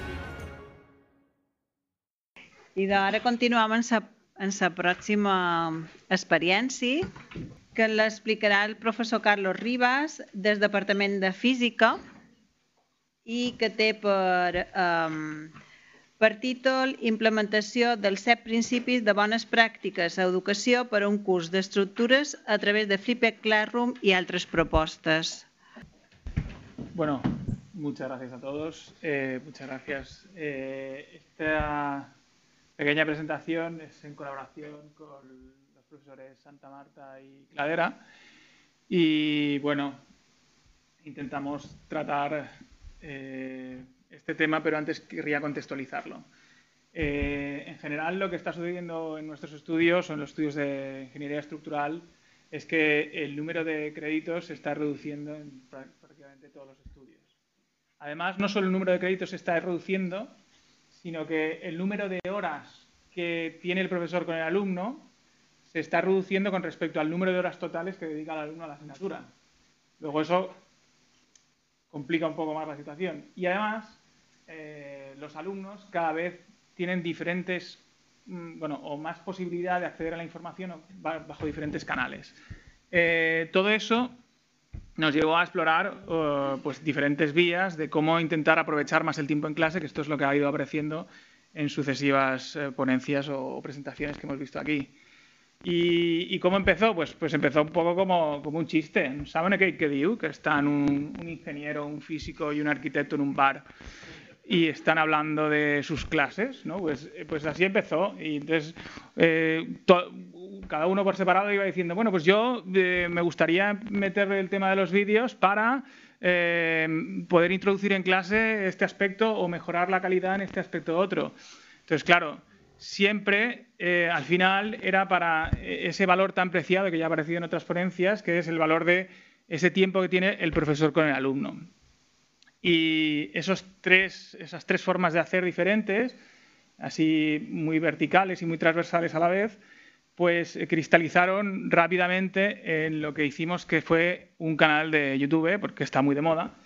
Y hicimos un canal que se llama Ingenia, Canal de Ingeniería Estructural. Y este canal solo tiene un año de vida, pero ya tiene 225 vídeos colgados, eh, del orden de más de 1.500 suscriptores entre 1.000 y 3.000 visitas semanales de entre 5 y 8 minutos de visualización cada una. Y eh, trata, bueno, pues todas estas asignaturas. Trata eh, todo el eje vertical de, de estructuras en edificación, eh, que está compartido también con, en algunos casos con ingeniería agroalimentaria, que es estructuras 1, estructuras 2, estructuras 3, geotecnia y cimentaciones. Todas las clases o casi todas están colgadas en, en el canal. Del máster de industriales está colgado, están colgadas las clases o parte de clases de estructuras eh, industriales, de construcción industrial y de, el del máster de, ingeniería agronómica, pues están colgadas también las, clases de estructuras agroindustriales. En el máster adquiere especial interés esto porque, porque el ratio horas de clase, horas de dedicación del alumno es todavía menor y entonces eh, se convierte en una, en una herramienta fundamental. Eh, hay que decir que, bueno, la metodología en cada una de las asignaturas eh, es diferente en cuanto a cómo aplicar la clase invertida. aquí están marcadas en rojo las tres experiencias pilotos, que son las que están más consolidadas. En estructuras 1 se empezó con la clase invertida en pequeñas cápsulas con un poco como lo que se ha explicado aquí y con mini exámenes antes de cada, de cada clase teórica eh, para, la, para la, parte de teoría, aunque ya se empieza a utilizar también para la parte de ejercicios y problemas. En geotecnia y cimentaciones se utilizó la, la clase invertida para las clases de resolución de problemas, que es la que voy a desarrollar más aquí, porque aunque hemos tratado muchos temas entre los tres profesores y en vertical en todas las asignaturas. Aquí, por tiempo, solo voy a explicar una experiencia. Y luego en estructuras 3 se introdujo la clase invertida y también se introdujeron vídeos complementarios para un poco bajar el ritmo de las clases y poder eh, tener eh, ese contacto con el alumno que, estamos buscando para, intentar que, el tiempo con, con el alumno sea más pausado y de mayor calidad. El uso de los vídeos, en cualquier caso, ha permitido todo un juego de, posibilidades nuevas porque evita o, permite introducir eh, otro material de calidad en, la clase. En el Flipper Classroom o la clase invertida ha permitido bueno, pues hacer más salidas de campo, ir más al laboratorio, eh, tratar ejercicios de otra manera en clase. Y ahora voy a pasar a eh, explicar específicamente cómo lo hicimos o cómo lo hemos hecho en geotecnia y cimentaciones y ¿qué intentábamos hacer? Intentábamos hacerlo bien. ¿Y qué es hacerlo bien? Bueno, pues como yo no sé qué es hacerlo bien, pues, pues pregunto. ¿Y a quién le pregunto? Pues le pregunto a, un artículo con 7.000 citas de Chickering y Gramson sobre los siete principios de las buenas prácticas en la educación. ¿Cuáles son esos siete principios? Bueno, pues los siete principios que, este artículo tan referenciado dice, pues es eh, fortalecer el contacto alumno-profesor, eh, desarrollar la cooperación entre, entre, estudiantes, intentar utilizar o utilizar eh, técnicas de aprendizaje activo, dar un feedback rápido. al alumno en general le gusta mucho saber cómo va durante el curso. Mm, eh, fortalecer eh, el trabajo, la tarea de, los ejercicios que se hacen para, absorber, las competencias e intentar que ese tiempo sea de calidad. Eh, transmitir eh, altas expectativas a los alumnos y, sobre todo, también respetar los diversos talentos que tienen diferentes alumnos que veremos cómo lo tratamos. Ahora, este, este es el objetivo y ahora en esta asignatura se plantearon diferentes actividades para conseguir esos siete objetivos. Pero para ver qué actividades se planteaban o, hacia dónde íbamos, primero tenemos que ver de, dónde veníamos. ¿Cómo era la asignatura antes de, intentar llegar a los siete principios que, acabo de comentar? Bueno, pues las clases eran bueno, una clase teórica eh, muy clara, basada en PowerPoint y explicaciones en pizarra, como se puede ver en la figura, esa clase era una vez a la semana y la otra en la, otra clase de la semana lo que se hacían eran casos prácticos, ejercicios, en este caso de cimentaciones, en la que se explicaba cómo se desarrollaba una cimentación frente a un terreno determinado. Bien, ¿cómo se complementaba la, acción eh, del, del alumno? Pues el alumno en clase practicaba ejercicios, consultando la teoría si lo necesitaba y estudiaba la teoría. Entonces, ¿Cuál ha sido el cambio fundamental? Pues el cambio en este caso, que no en todas las asignaturas que hemos tratado en la clase invertida, pero en este caso lo que se hacía era, se mantenía la teoría en, clase y en, casa se hacía el ejercicio, en casa, en el autobús o donde fuese. Se hacía el ejercicio, se explicaba el ejercicio y entonces el alumno practicaba en clase con la ayuda del profesor. ¿Qué, hasta ahora que teníamos? Pues un contacto profesor-alumno. Todo lo demás lo dejábamos de lado. ¿Qué actividades permite el sacar eh, parte de la explicación de la clase? Bueno, pues entre otras, pues eh, aumentar las prácticas experimentales. Se han aumentado muchísimo eh, las horas de laboratorio en esta asignatura. de ser una asignatura que no tenía prácticas de laboratorio a ser una asignatura que, que, es de las que más prácticas de laboratorio tiene de la carrera. ¿Cómo se ha hecho? Bueno, pues se ha hecho mediante, en este caso, maquetas a escala 1-10 de, de posibles cimentaciones eh, superficiales modelando el terreno como si fuese una esponja, con su carácter un poco, eh, intentando simular el carácter elástico del terreno, o un comportamiento elástico del terreno. Y pues eh, estas maquetas permiten pues, tener zapatas centradas, con el pilar bien centradito, zapatas descentradas, con el pilar a un lateral, y zapatas descentradas en dos sentidos, que serían las zapatas que pondríamos en, llamamos las zapatas de esquina, que, son las zapatas cuando tienes que poner una cimentación, pero, pero tienes el límite del vecino y el límite de la calle y tu pilar va en la esquina y no puedes poner la zapata en esa zona.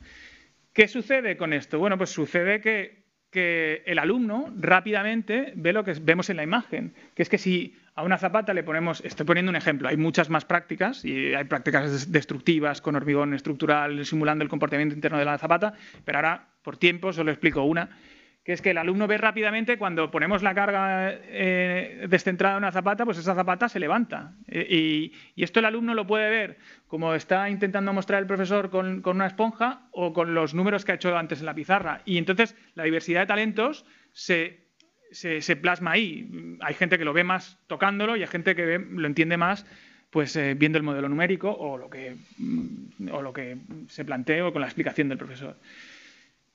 Eh, también se plantean soluciones estructurales para este problema, que es una, viga centradora, no voy a entrar un poco en, cómo se desarrolla, pero al, fin y al cabo, este efecto, como cualquier otro, en donde vemos que la zapata se separa del terreno, pues se puede absorber visualmente. ¿Qué estamos fomentando? Pues estamos fomentando también el, trabajo en equipo. Aquí se ve como, los alumnos hacen una práctica de una zapata de esquina con dos figas centradoras y en, este, en esta actividad en concreto, pues fomentamos, la, además del contacto profesor-alumno, fomentamos la cooperación con los, con los entre, eh, alumnos. Eh, es, una, es un aprendizaje, una técnica de aprendizaje activo se, le da mucho más tiempo al trabajo, a la tarea de trabajo y se respeta la diversidad de talentos. Otra actividad y, la, digamos el, el leitmotiv de, esta sesión es la clase invertida. Pero en este caso nosotros lo que hicimos es la clase invertida apoyada a la corrección entre iguales. ¿Por qué? ¿Qué es lo que hemos hecho? ya lo he explicado un poquito antes, es coger las clases de problemas y el, alumno ve uno o dos o varios problemas antes de venir a clase. Bueno, primero, el primer día de la semana recibe la clase teórica, en función de esa clase teórica recibe eh, o tiene que visualizar y entender unos ejercicios, que yo no sé si os pasa a vosotros, pero a mí lo que me pasaba es que en, la clase de ejercicios, que no tanto en la teórica, tienes que ir siempre al ritmo del, alumno, no digo eh, el, alumno que, te hace más preguntas es el que marca el ritmo de la clase y, que necesita más repeticiones. Esto en el vídeo se desaparece, porque el alumno que necesita más repeticiones se lo pone varias veces o se va al sitio que, quería eh, en el ejercicio correspondiente. Entonces, una vez el alumno ha recibido la teoría y ha visualizado el ejercicio y se ha apuntado sus dudas, viene a clase. Cuando viene a clase, lo primero que hace es preguntar las dudas. Oye, en esto no he entendido este apartado, no he entendido esto como lo hacías, etc. A veces ya hay muchas dudas que se las pregunta al de al lado antes de empezar la clase y ese, y ese tiempo de dudas se reduce mucho. En cualquier caso, se, dan las se resuelven las dudas y se plantea un examen o un ejercicio tipo examen de ingeniería, en donde el alumno tiene que plantearse pues, un, un problema, eh, pues obviamente de gestión y cimentaciones, porque así es la asignatura. Y, entonces el alumno lo que hace es dedicarle un tiempo de calidad, porque tiene el profesor al lado, para preguntarle según qué dudas, oye, esto no lo entiendo, ¿esto a qué te refieres? Entonces pasamos a un examen no tan sumativo, aunque sí que eh, en esta asignatura este tipo de exámenes que se hacen todas las semanas durante el curso suman un 5% de la nota adicional, es decir, que el alumno puede venir o, no puede, o puede no venir, pero en cualquier caso el índice de asistencia a este tipo de exámenes es muy, muy alto. Partíamos ya de un índice de asistencia cuando se hacía el método tradicional también muy alto, pero sobre todo el alumno puede resolver las dudas y puede ir practicando durante el curso y resolverlas en, en clase. Anteriormente lo que sucedía es que el alumno hacía los ejercicios o no en casa y normalmente los hacía el día antes o la semana antes del examen y pedía muchas tutorías el día antes del examen. Ahora lo que se está intentando es modificar ese hábito de estudio del alumno y hacer el trabajo en clase. ¿Qué sucede? Que al profesor se le multiplican por, no quiero decir el número, de, eh, evaluaciones que tiene que, corregir. ¿Cuál es la solución? Corrección por pares una vez se acaba el examen, se le da a otro compañero, a ese otro compañero se le da la solución y se explica el ejercicio. Cuando se explica el ejercicio, se explica el método de corrección y entonces el alumno más o menos rápidamente corrige y tiene una nota. Incluso a veces ese, ese, examen se le devuelve al alumno original y se le dice, mira dónde te has equivocado y promete que nunca te vas a volver a equivocar ahí. Nunca más te vas a volver a equivocar ahí. Entonces, eh, es un examen muy formativo. A pesar de que suma un poco la nota, es fundamentalmente formativo. Pierde un poco de precisión porque no lo corrige el profesor directamente, pero eh, gana mucho en, el feedback rápido. ¿De acuerdo? Además, a veces esos exámenes se hacen de dos en dos eh, y se intenta jugar, conjugar un alumno que ha venido de, de enseñanzas de bachillerato con un alumno que ha venido de FP. Entonces, eh, también se aúna entonces la, diversidad de talentos, uno explica al otro de lo que más sabe y el otro al uno de lo que más sabe el, otro. Entonces, con este tipo de actividad, aparte de, fomentar un hábito de estudio constante, pues eh, se, tratan seis de los siete principios que hemos comentado. Sobre todo el tiempo a la tarea y, la tarea de carrera y el feedback rápido. Por otra parte, eh, si, notaréis que las tres actividades eh, que se proponen son gracias a que se ha, se ha, introducido la clase invertida que nos facilita o nos da un poquito más de tiempo en clase. Entonces, con todo esto, además, se, plantea una actividad que, es la de, la, de visitas de campo, visitas a, mm, prospecciones al terreno, ver eh, cimentaciones in situ, ya sean superficiales o profundas. Entonces, se intentan hacer dos o tres visitas de campo al año.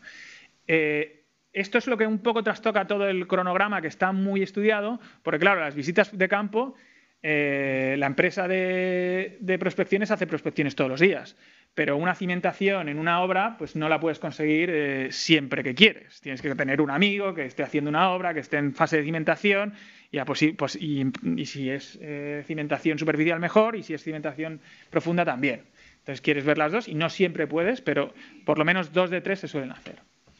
Y con ello, en, estas, fundamentalmente, aparte de, otros aspectos, uno que nos ha tratado es darle altas expectativas al alumno. El alumno va a acabar haciendo ese trabajo, va a acabar yendo a obra, va a acabar viendo prospecciones. Entonces, no solo les das las altas expectativas de la propia clase, oye, vas a aprender a hacer esto, esto, otro, esto, otro, sino que te va a servir para tu futuro laboral en este sentido y en este otro. Entonces, este aspecto que queda un poco siempre dejado de la mano o que no sabes cómo, transmitir altas expectativas, porque transmitir altas expectativas, bueno, uno dice, bueno, lo vais a hacer muy bien, no os preocupéis, ya sí, pero ¿lo vais a hacer muy bien para qué? Pues para esto. Y bueno, y con estas tres acciones, pues eh, como podéis ver, pues se, intentan a, eh, eh, se, intentan acometer cada, uno de los siete principios. Los resultados en encuestas dicen que esta metodología ha gustado y que el tema de los vídeos gusta, por encima del 90%. Eh, también dicen que les gustaría verlo en otras asignaturas. Tampoco conviene pasarse. En esta asignatura, eh, este año hemos probado hacer el Flipper Classroom también en, la teoría. Eh, la teoría tiene que ser pastillas muy cortas y tienes que... el profesor Santa Marta le, funciona muy bien y, lo hace muy bien en estructuras 1. A mí, en geotecnia y cimentaciones, todavía tengo que tratarlo un poco más pero sobre todo también este método ha permitido la monitorización del estudiante durante todo el curso y cambiar los hábitos de estudio. Y no solo ha mejorado eh, el índice de satisfacción de la asignatura eh, por encima del punto, o sea, de un 7 con algo a un 8,5, sino que además también ha mejorado los, los índices de éxito de la asignatura sobre los presentados, de dos tercios a tres cuartos. Eh, parece que, es poca cosa, pero sin modificar el nivel de los exámenes y, siguiendo con la misma uh, dificultad de exámenes, subir de dos tercios a tres cuartos, yo no sé en, sus casos, pero en el mío eh, estoy altamente orgulloso de poder decir eso. Y bueno, la, la, experiencia eh, en este caso se ha hecho en muchas, muchas asignaturas, solo he presentado una. Sin embargo, eh, tiene solo dos años de edad. Este es el segundo curso en el que se, se plantea clase invertida. Y, y bueno, por ahora eh, los resultados son positivos, pero, pero se tiene que tomar con, con, calma porque solo son dos años de muestra. Bueno, muchísimas gracias por la atención.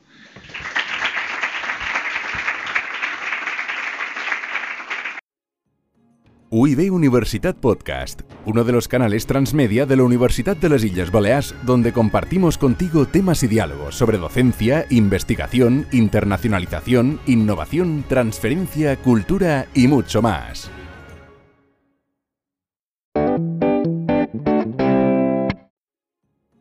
UIB Universitat Podcast, uno de los canales transmedia de la Universidad de las Islas Baleares, donde compartimos contigo temas y diálogos sobre docencia, investigación, internacionalización, innovación, transferencia, cultura y mucho más.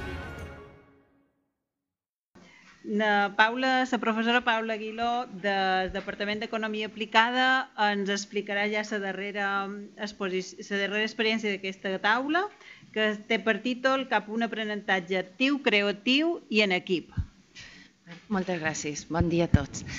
Val. Uh, nosaltres, bé, quan se me va dir de venir aquí, se mos va dir que presentàssim el darrer projecte d'innovació docent que havíem fet, que el vàrem posar en marxa el curs passat, i llavors és una mica més que no només la classe invertida. No? Es contesten que han fet tot això ha estat en el grau d'administració d'empreses a una assignatura de segon d'economia industrial. Val? Els objectius, quan varen començar això, doncs era per una part, en aquesta assignatura sempre teníem un treball que fèiem els alumnes i el que volíem era passar el que dèiem ahir, de no treballar en grup, sinó treballar en equip. Per tant, una de les nostres coses era que aquest treball en equip era, per una part, intentar mostrar-los com se treballa en equip i que el, resultat del treball també fos més bo, i després aplicar les classes invertides de forma que nosaltres a classe poguéssim dedicar-nos més um, no tan sols a transmetre coneixements, sinó que fos algo més i aportés també competències.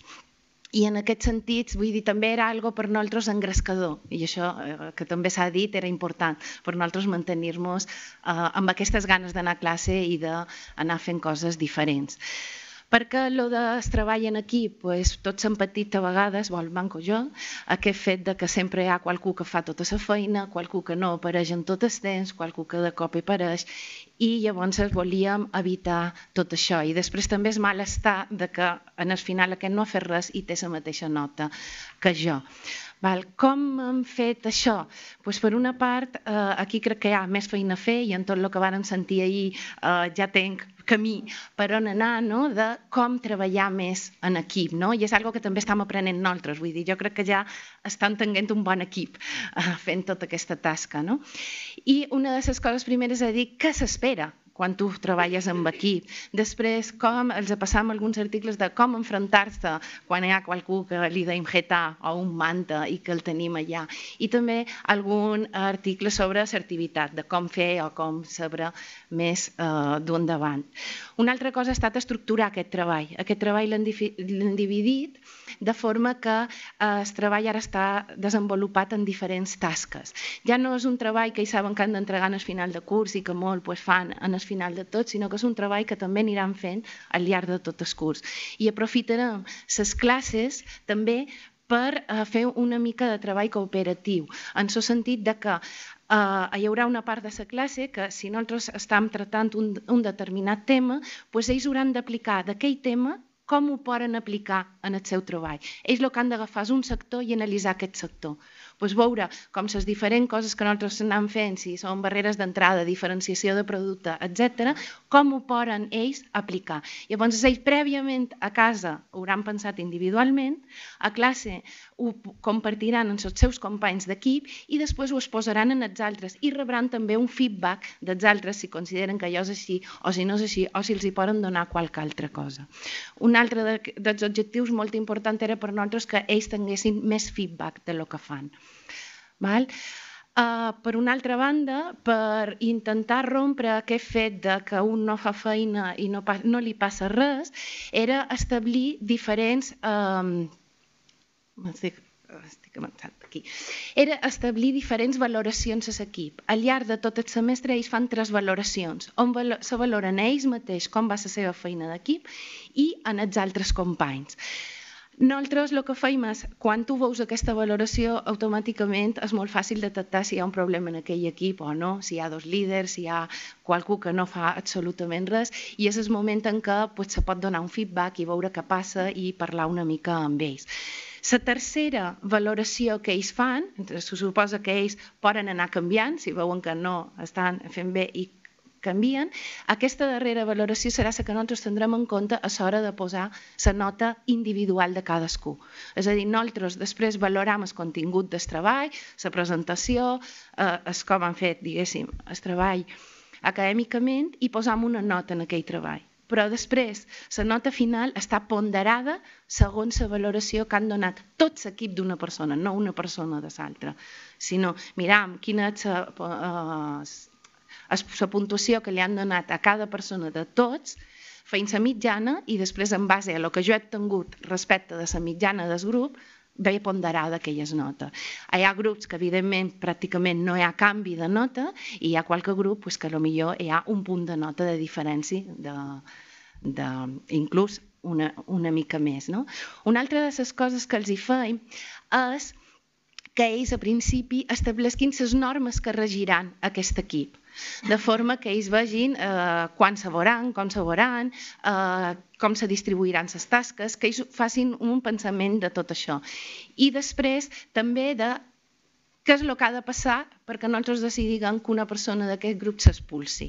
I donem aquesta possibilitat. Ha de ser motivada i donem també, però, una data límit. No el podem expulsar en qualsevol moment del curs, sinó que tenim una data límit. Si en aquesta data límit nosaltres no hem decidit que expulsam en aquella persona, pues aquella persona és part del nostre grup i nosaltres som el grup, eh, som l'equip complet. Val? I, final, bueno, i finalment vos dic això, a, a classe pues, intentam que ells facin feina i després hi hagi una tornada d'aquesta feina que han fet a classe i que mos la entreguin de qualque manera. Per altra banda, en fer la classe invertida hi ha hagut, hi ha hagut d'haver pues, aquest treball autònom que ells havien fet prèviament a casa. I com l'organitzar? Nosaltres el que feim és, vull dir, ens ha anat molt bé el fet de poder organitzar per pestanyes eh, eh, tot el que tenim en el Moodle, no? l'aula digital. Llavors, cada tema està estructurat i l'han dividit pues, en cinc parts. En un primer moment, ells tenen els objectius que esperam que ells sàpiguen fer en, després d'aquest tema i en quantes sessions ho veurem. Per una altra banda, hem hagut d'elaborar material. Pues, hem hagut de eh, fer exercicis, posar la seva resolució. Nosaltres els vídeos que hem fet de moment són vídeos d'exercicis, de nosaltres explicant un exercici pas per pas, i llavors també cercar notícies, posar-los preguntes d'aquestes notícies, eh, i bé, mm, diverses coses. No? Eh, també teníem les transparències, resums, eh, eh, el material didàctics que també teníem i lo important de tot això és que el treball, per nosaltres el Banco, el treball que facin com a treball autònom sempre hi ha d'haver una tornada. Això ens garanteix que ells ho facin. Per jo això és molt important. És a dir, després d'haver-me mirat la notícia, pues jo he de contestar unes preguntes. Després d'haver-me llegit el material didàctic, pues jo he d'omplir un qüestionari. Després de, jo tinc un exercici que l'intent fer, tinc la solució, però després contesto un qüestionari d'autoavaluació de quines dubtes m'han quedat d'aquest exercici.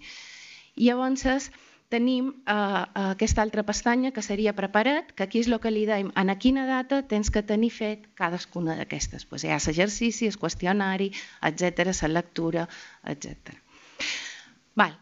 I després, quan ells han preparat això i venen a classe, què feim a classe? Pues feim diferents coses. Una és començar en cada tema demanant-los què en saben ells del tema que en saben ells o oh, quines preguntes se fan del tema, per després, a partir d'aquí, anar construint més l'aprenentatge. També, eh, com que nosaltres hem vist els qüestionaris o ens han donat els seus dubtes, sabem en quins dubtes venen a classe.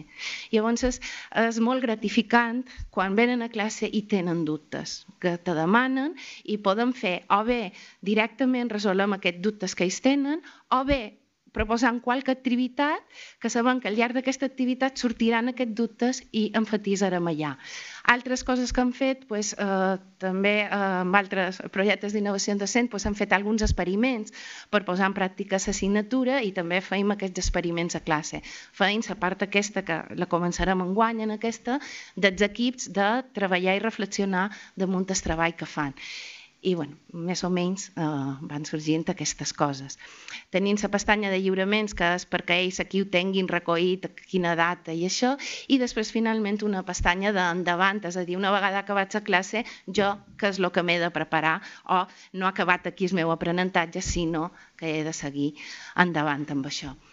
Val? Llavors, en tot això, pues, hem aconseguit coses, venen en el material generalment preparat a classe, sorgeixen dubtes que es poden resoldre, l'aprenentatge és més actiu, està en un ambient millor, ha augmentat el feedback cap als alumnes, alguns d'aquestes activitats que fan després ells quan l'entreguen, un altre grup l'ha de mirar i en base a una rúbrica ells eh, li, li fan una tornada en el seu company perquè pugui millorar aquell treball i bé, en tot això, diguéssim, estàvem pues, molt contentes, però evidentment hi ha coses que no hem aconseguit encara i és millorar significativament els resultats en quant a qualificacions. Encara això jo crec que no sabeu. Sí que sabeu aquella satisfacció de l'alumne que ve, tampoc hem aconseguit que aquell alumne que no venia a classe pues ara vengui, vull dir, perquè tampoc en cap moment li podem tenir aquest contacte per poder-lo enganxar, i després que com que era el nostre primer any i supos que nosaltres estàvem super engrescades, volíem engrescar a tothom, i llavors el compromís que ha assolit cada alumne pues, no ha estat igual. Llavors, ara mateix vull dir, tenim diferents itineraris, perquè crec que això s'adapta més a com cadascú pot eh, aprendre. No? Llavors hi ha un itinerari on eh, tu te compromets a fer aquest treball autònom, a contestar aquests qüestionaris, a venir sí, pots triar també el treball si el fas d'aquesta manera, tu vas fent totes les tasques, te compromets a venir en aquelles classes on hi has treball, o tenim un, un, un itinerari on tu t'avalues per als parcials, has d'entregar un treball en el final i mos veïn si vols i si no mos vols. Tot i que nosaltres tenim dos itineraris, diguéssim, en realitat n'hi ha tres, perquè hi ha aquell alumne que no li agrada que li diguis tal, tal dia has de tenir això, però ell té l'abast si ho vol fer ell se pot llegir material abans de venir a classe, tot i no haver contestat el qüestionari. Ell pot anar, diguéssim, mantenint un ritme, tot i no s'ha avaluat per aquell ritme. No? Llavors ens permet tres, tres coses diferents. Um, ara se, se m'ha anat a esconir, tenia una cosa més per dir-vos. Uh, ells, una de les coses que han valorat molt significativament és el que és fet de dur assignatura. La nostra assignatura també és una d'aquestes que se va construint i si te perds, després és difícil enganxar-te. I llavors ells han valorat molt positivament aquest fet de poder dur l'assignatura pues, en el dia. Com tot, vull dir, hi ha que millorar, com tot no és un camí en línia recta, sinó que hi ha moltes curves, hi ha clarianes, hi ha obstacles, hi ha nígols, i llavors pues, una de les coses que veiem és que han d'elaborar més material, això dels vídeos ha anat molt bé, aquest fet de poder anar avant, poder anar enrere, poder mirar-se ells, veure un exercici els ha anat molt bé. Ho tenim només uns quants eh, temes de l'assignatura, pues seria estendreró a totes, i una cosa que no s'ha parlat aquí i crec que és crucial tal. I, i jo crec que s'entenc jo, el meu, la meva pedra, que he d'aconseguir eh, que se faci més petita, és l'avaluació. Com avaluam això? Perquè aquí eh, aquesta avaluació també implicarà la seva dedicació o la seva no dedicació. No? Ara després, si me permeteu en un minut, vos faré una reflexió respecte a l'avaluació. Han recollit les seves opinions, les estem analitzant ara i amb això estan millorant pues, ara que han de començar una altra vegada l'assignatura. Cercar mètodes de seguiment més ràpid, de veure si ho han fet o no ho han fet, aquí encara han d'aconseguir-ho i, i, bueno, i quan sorgeix una incidència pues, l'anam fent. La nostra idea és que aquest treball que ells estan fent acabi sent més gran i acaben podem fer aquesta assignatura per projectes. Llavors, és que l'assignatura sigui fer un projecte i amb aquest llarg termini, diguéssim, és que anem caminant. L'avaluació, per jo, una de les coses més importants és que l'alumne ha de poder equivocar-se. Això ho deim sempre i deim que dels nostres errors ens equivocam, però a vegades feim una avaluació que no el deixam equivocar-se. I jo crec que aquí hi hem de fer feina. Vull dir, el fet de que jo ara no ho hagi pres però estigui esforçant-me i ho aprengui, això s'ha de veure. No pot ser una desavantatge per l'alumne, no? Sempre, és a dir, nosaltres tenim un semestre i el que dèiem és que tu has d'aprendre amb això, te n'has d'anar amb aquests objectius complits. Però el ritme en què el facis, jo crec que això no ha d'estar penalitzat. I això crec que ha de ser important i s'ha de transmetre a l'avaluació. L'avaluació també ha de permetre veure'm a mi que jo estic progressant m'ha de permetre tenir aquesta motivació. Per tant, el dubte està en que, que hem de fer una avaluació que tingui en compte tot l'ho fet, una avaluació que només tingui en compte el final de lo que han fet, una avaluació que sigui una mescla. En aquest moment eh, nosaltres tenim una mescla en aquesta assignatura. Jo encara no estic del tot contenta en com tenim l'avaluació, però sí que li donem cert greu que ens permeti. Com ho feim? Si ell fa el treball autònom, si va fent el treball autònom, nosaltres valorem que el faci, i llavors, si el va fent i eh, el manco el fa amb un 80%, vull dir, sempre donem un marge que qualque, qualque cosa no la pugui fer, doncs llavors li donem eh, en aquest punt fins un 0,5 en total de l'assignatura. ¿vale? 0,5 punt. En aquest moment s'està plantejat de seguir a docent com si això fos un bonus. Val? Jo altres assignatures de primer que he dit que estava fent això, això els hi dono un 10% de l'assignatura. Val? Després, per altra banda, els que fan eh, eh, això tenen la possibilitat d'en lloc d'anar directament en el primer parcial, que hi ha l'assignatura, fer-se una autoavaluació. Si d'aquesta autoavaluació treuen d'un 6 per amunt, ja no han d'anar en el parcial i per tant els eliminem. I si no, saben que tenen la possibilitat d'anar en el parcial. O sigui que aquest aprenentatge que han d'anar fent, si jo veig que no l'he fet suficient, encara puc recuperar-lo. Després eh, tenen un segon parcial, que aquí ja no ho feim com a flipper, i després hi ha al final de l'assignatura un final. En aquest final sempre donaven la possibilitat en el juliol de que l'alumne pogués eh, recuperar un dels dos parcials. Actualment ara ho fem ara. És a dir, si el juliol tu que final tens, molt, eh, tens millor nota que el que has tingut en els parcials, tot tenc en compte. I un dels dos, el manco se nota serà igual que la final. No? D'aquesta manera que tu puguis veure que el que fas pot anar revertint. Llavors, el treball, eh, el que tenim ganes és de que les qualificacions del treball millorin molt, en el sentit de que si nosaltres hem anat treballant al llarg d'escorcar cadascuna de les parts del treball, quan ells entreguin el treball, el treball ha d'estar bé. Vull dir, han d'haver anat tenint aquest feedback. I bé, volia acabar amb aquest proverbi xinès que els mestres podem obrir portes però només tu pots entrar i això crec que és molt important i una de les coses que, que també s'ha anomenat aquí és que ells no tenen no tenen dins la consciència què implica un ECTS en qüestió de feina per ells. Una cosa que a mi m'ha resultat molt curiosa de les enquestes ha estat que la majoria d'ells han dit que han dedicat mm, de 3 hores a menys a fer tota aquesta, aquesta, aquesta feina setmanalment. Clar, si mirant CCTS ells haurien de fer 7 hores setmanals fora de les 3 que nosaltres tenim a classe. I llavors ells en el final te diuen que hi ha hagut una càrrega excessiva, és que ha estat excessiu. I tu dius, bueno, anem a veure-ho. I després quan mires i li demanes quin ha estat el teu punt fort, quin és el teu punt fort en el teu aprenentatge i quin és el teu punt dèbil. Quan demanes el teu punt dèbil diuen hauria de dedicar-hi més hores. I dius, i aquí hi ha una incongruència entre el que ells senten, entre el que veuen i el que un moment determinat els pugui ser. Moltes gràcies a tots i per qualsevol cosa doncs, mos teniu. UIB Universitat Podcast, uno de los canales transmedia de la Universidad de las Islas Baleares, donde compartimos contigo temas y diálogos sobre docencia, investigación, internacionalización, innovación, transferencia, cultura y mucho más.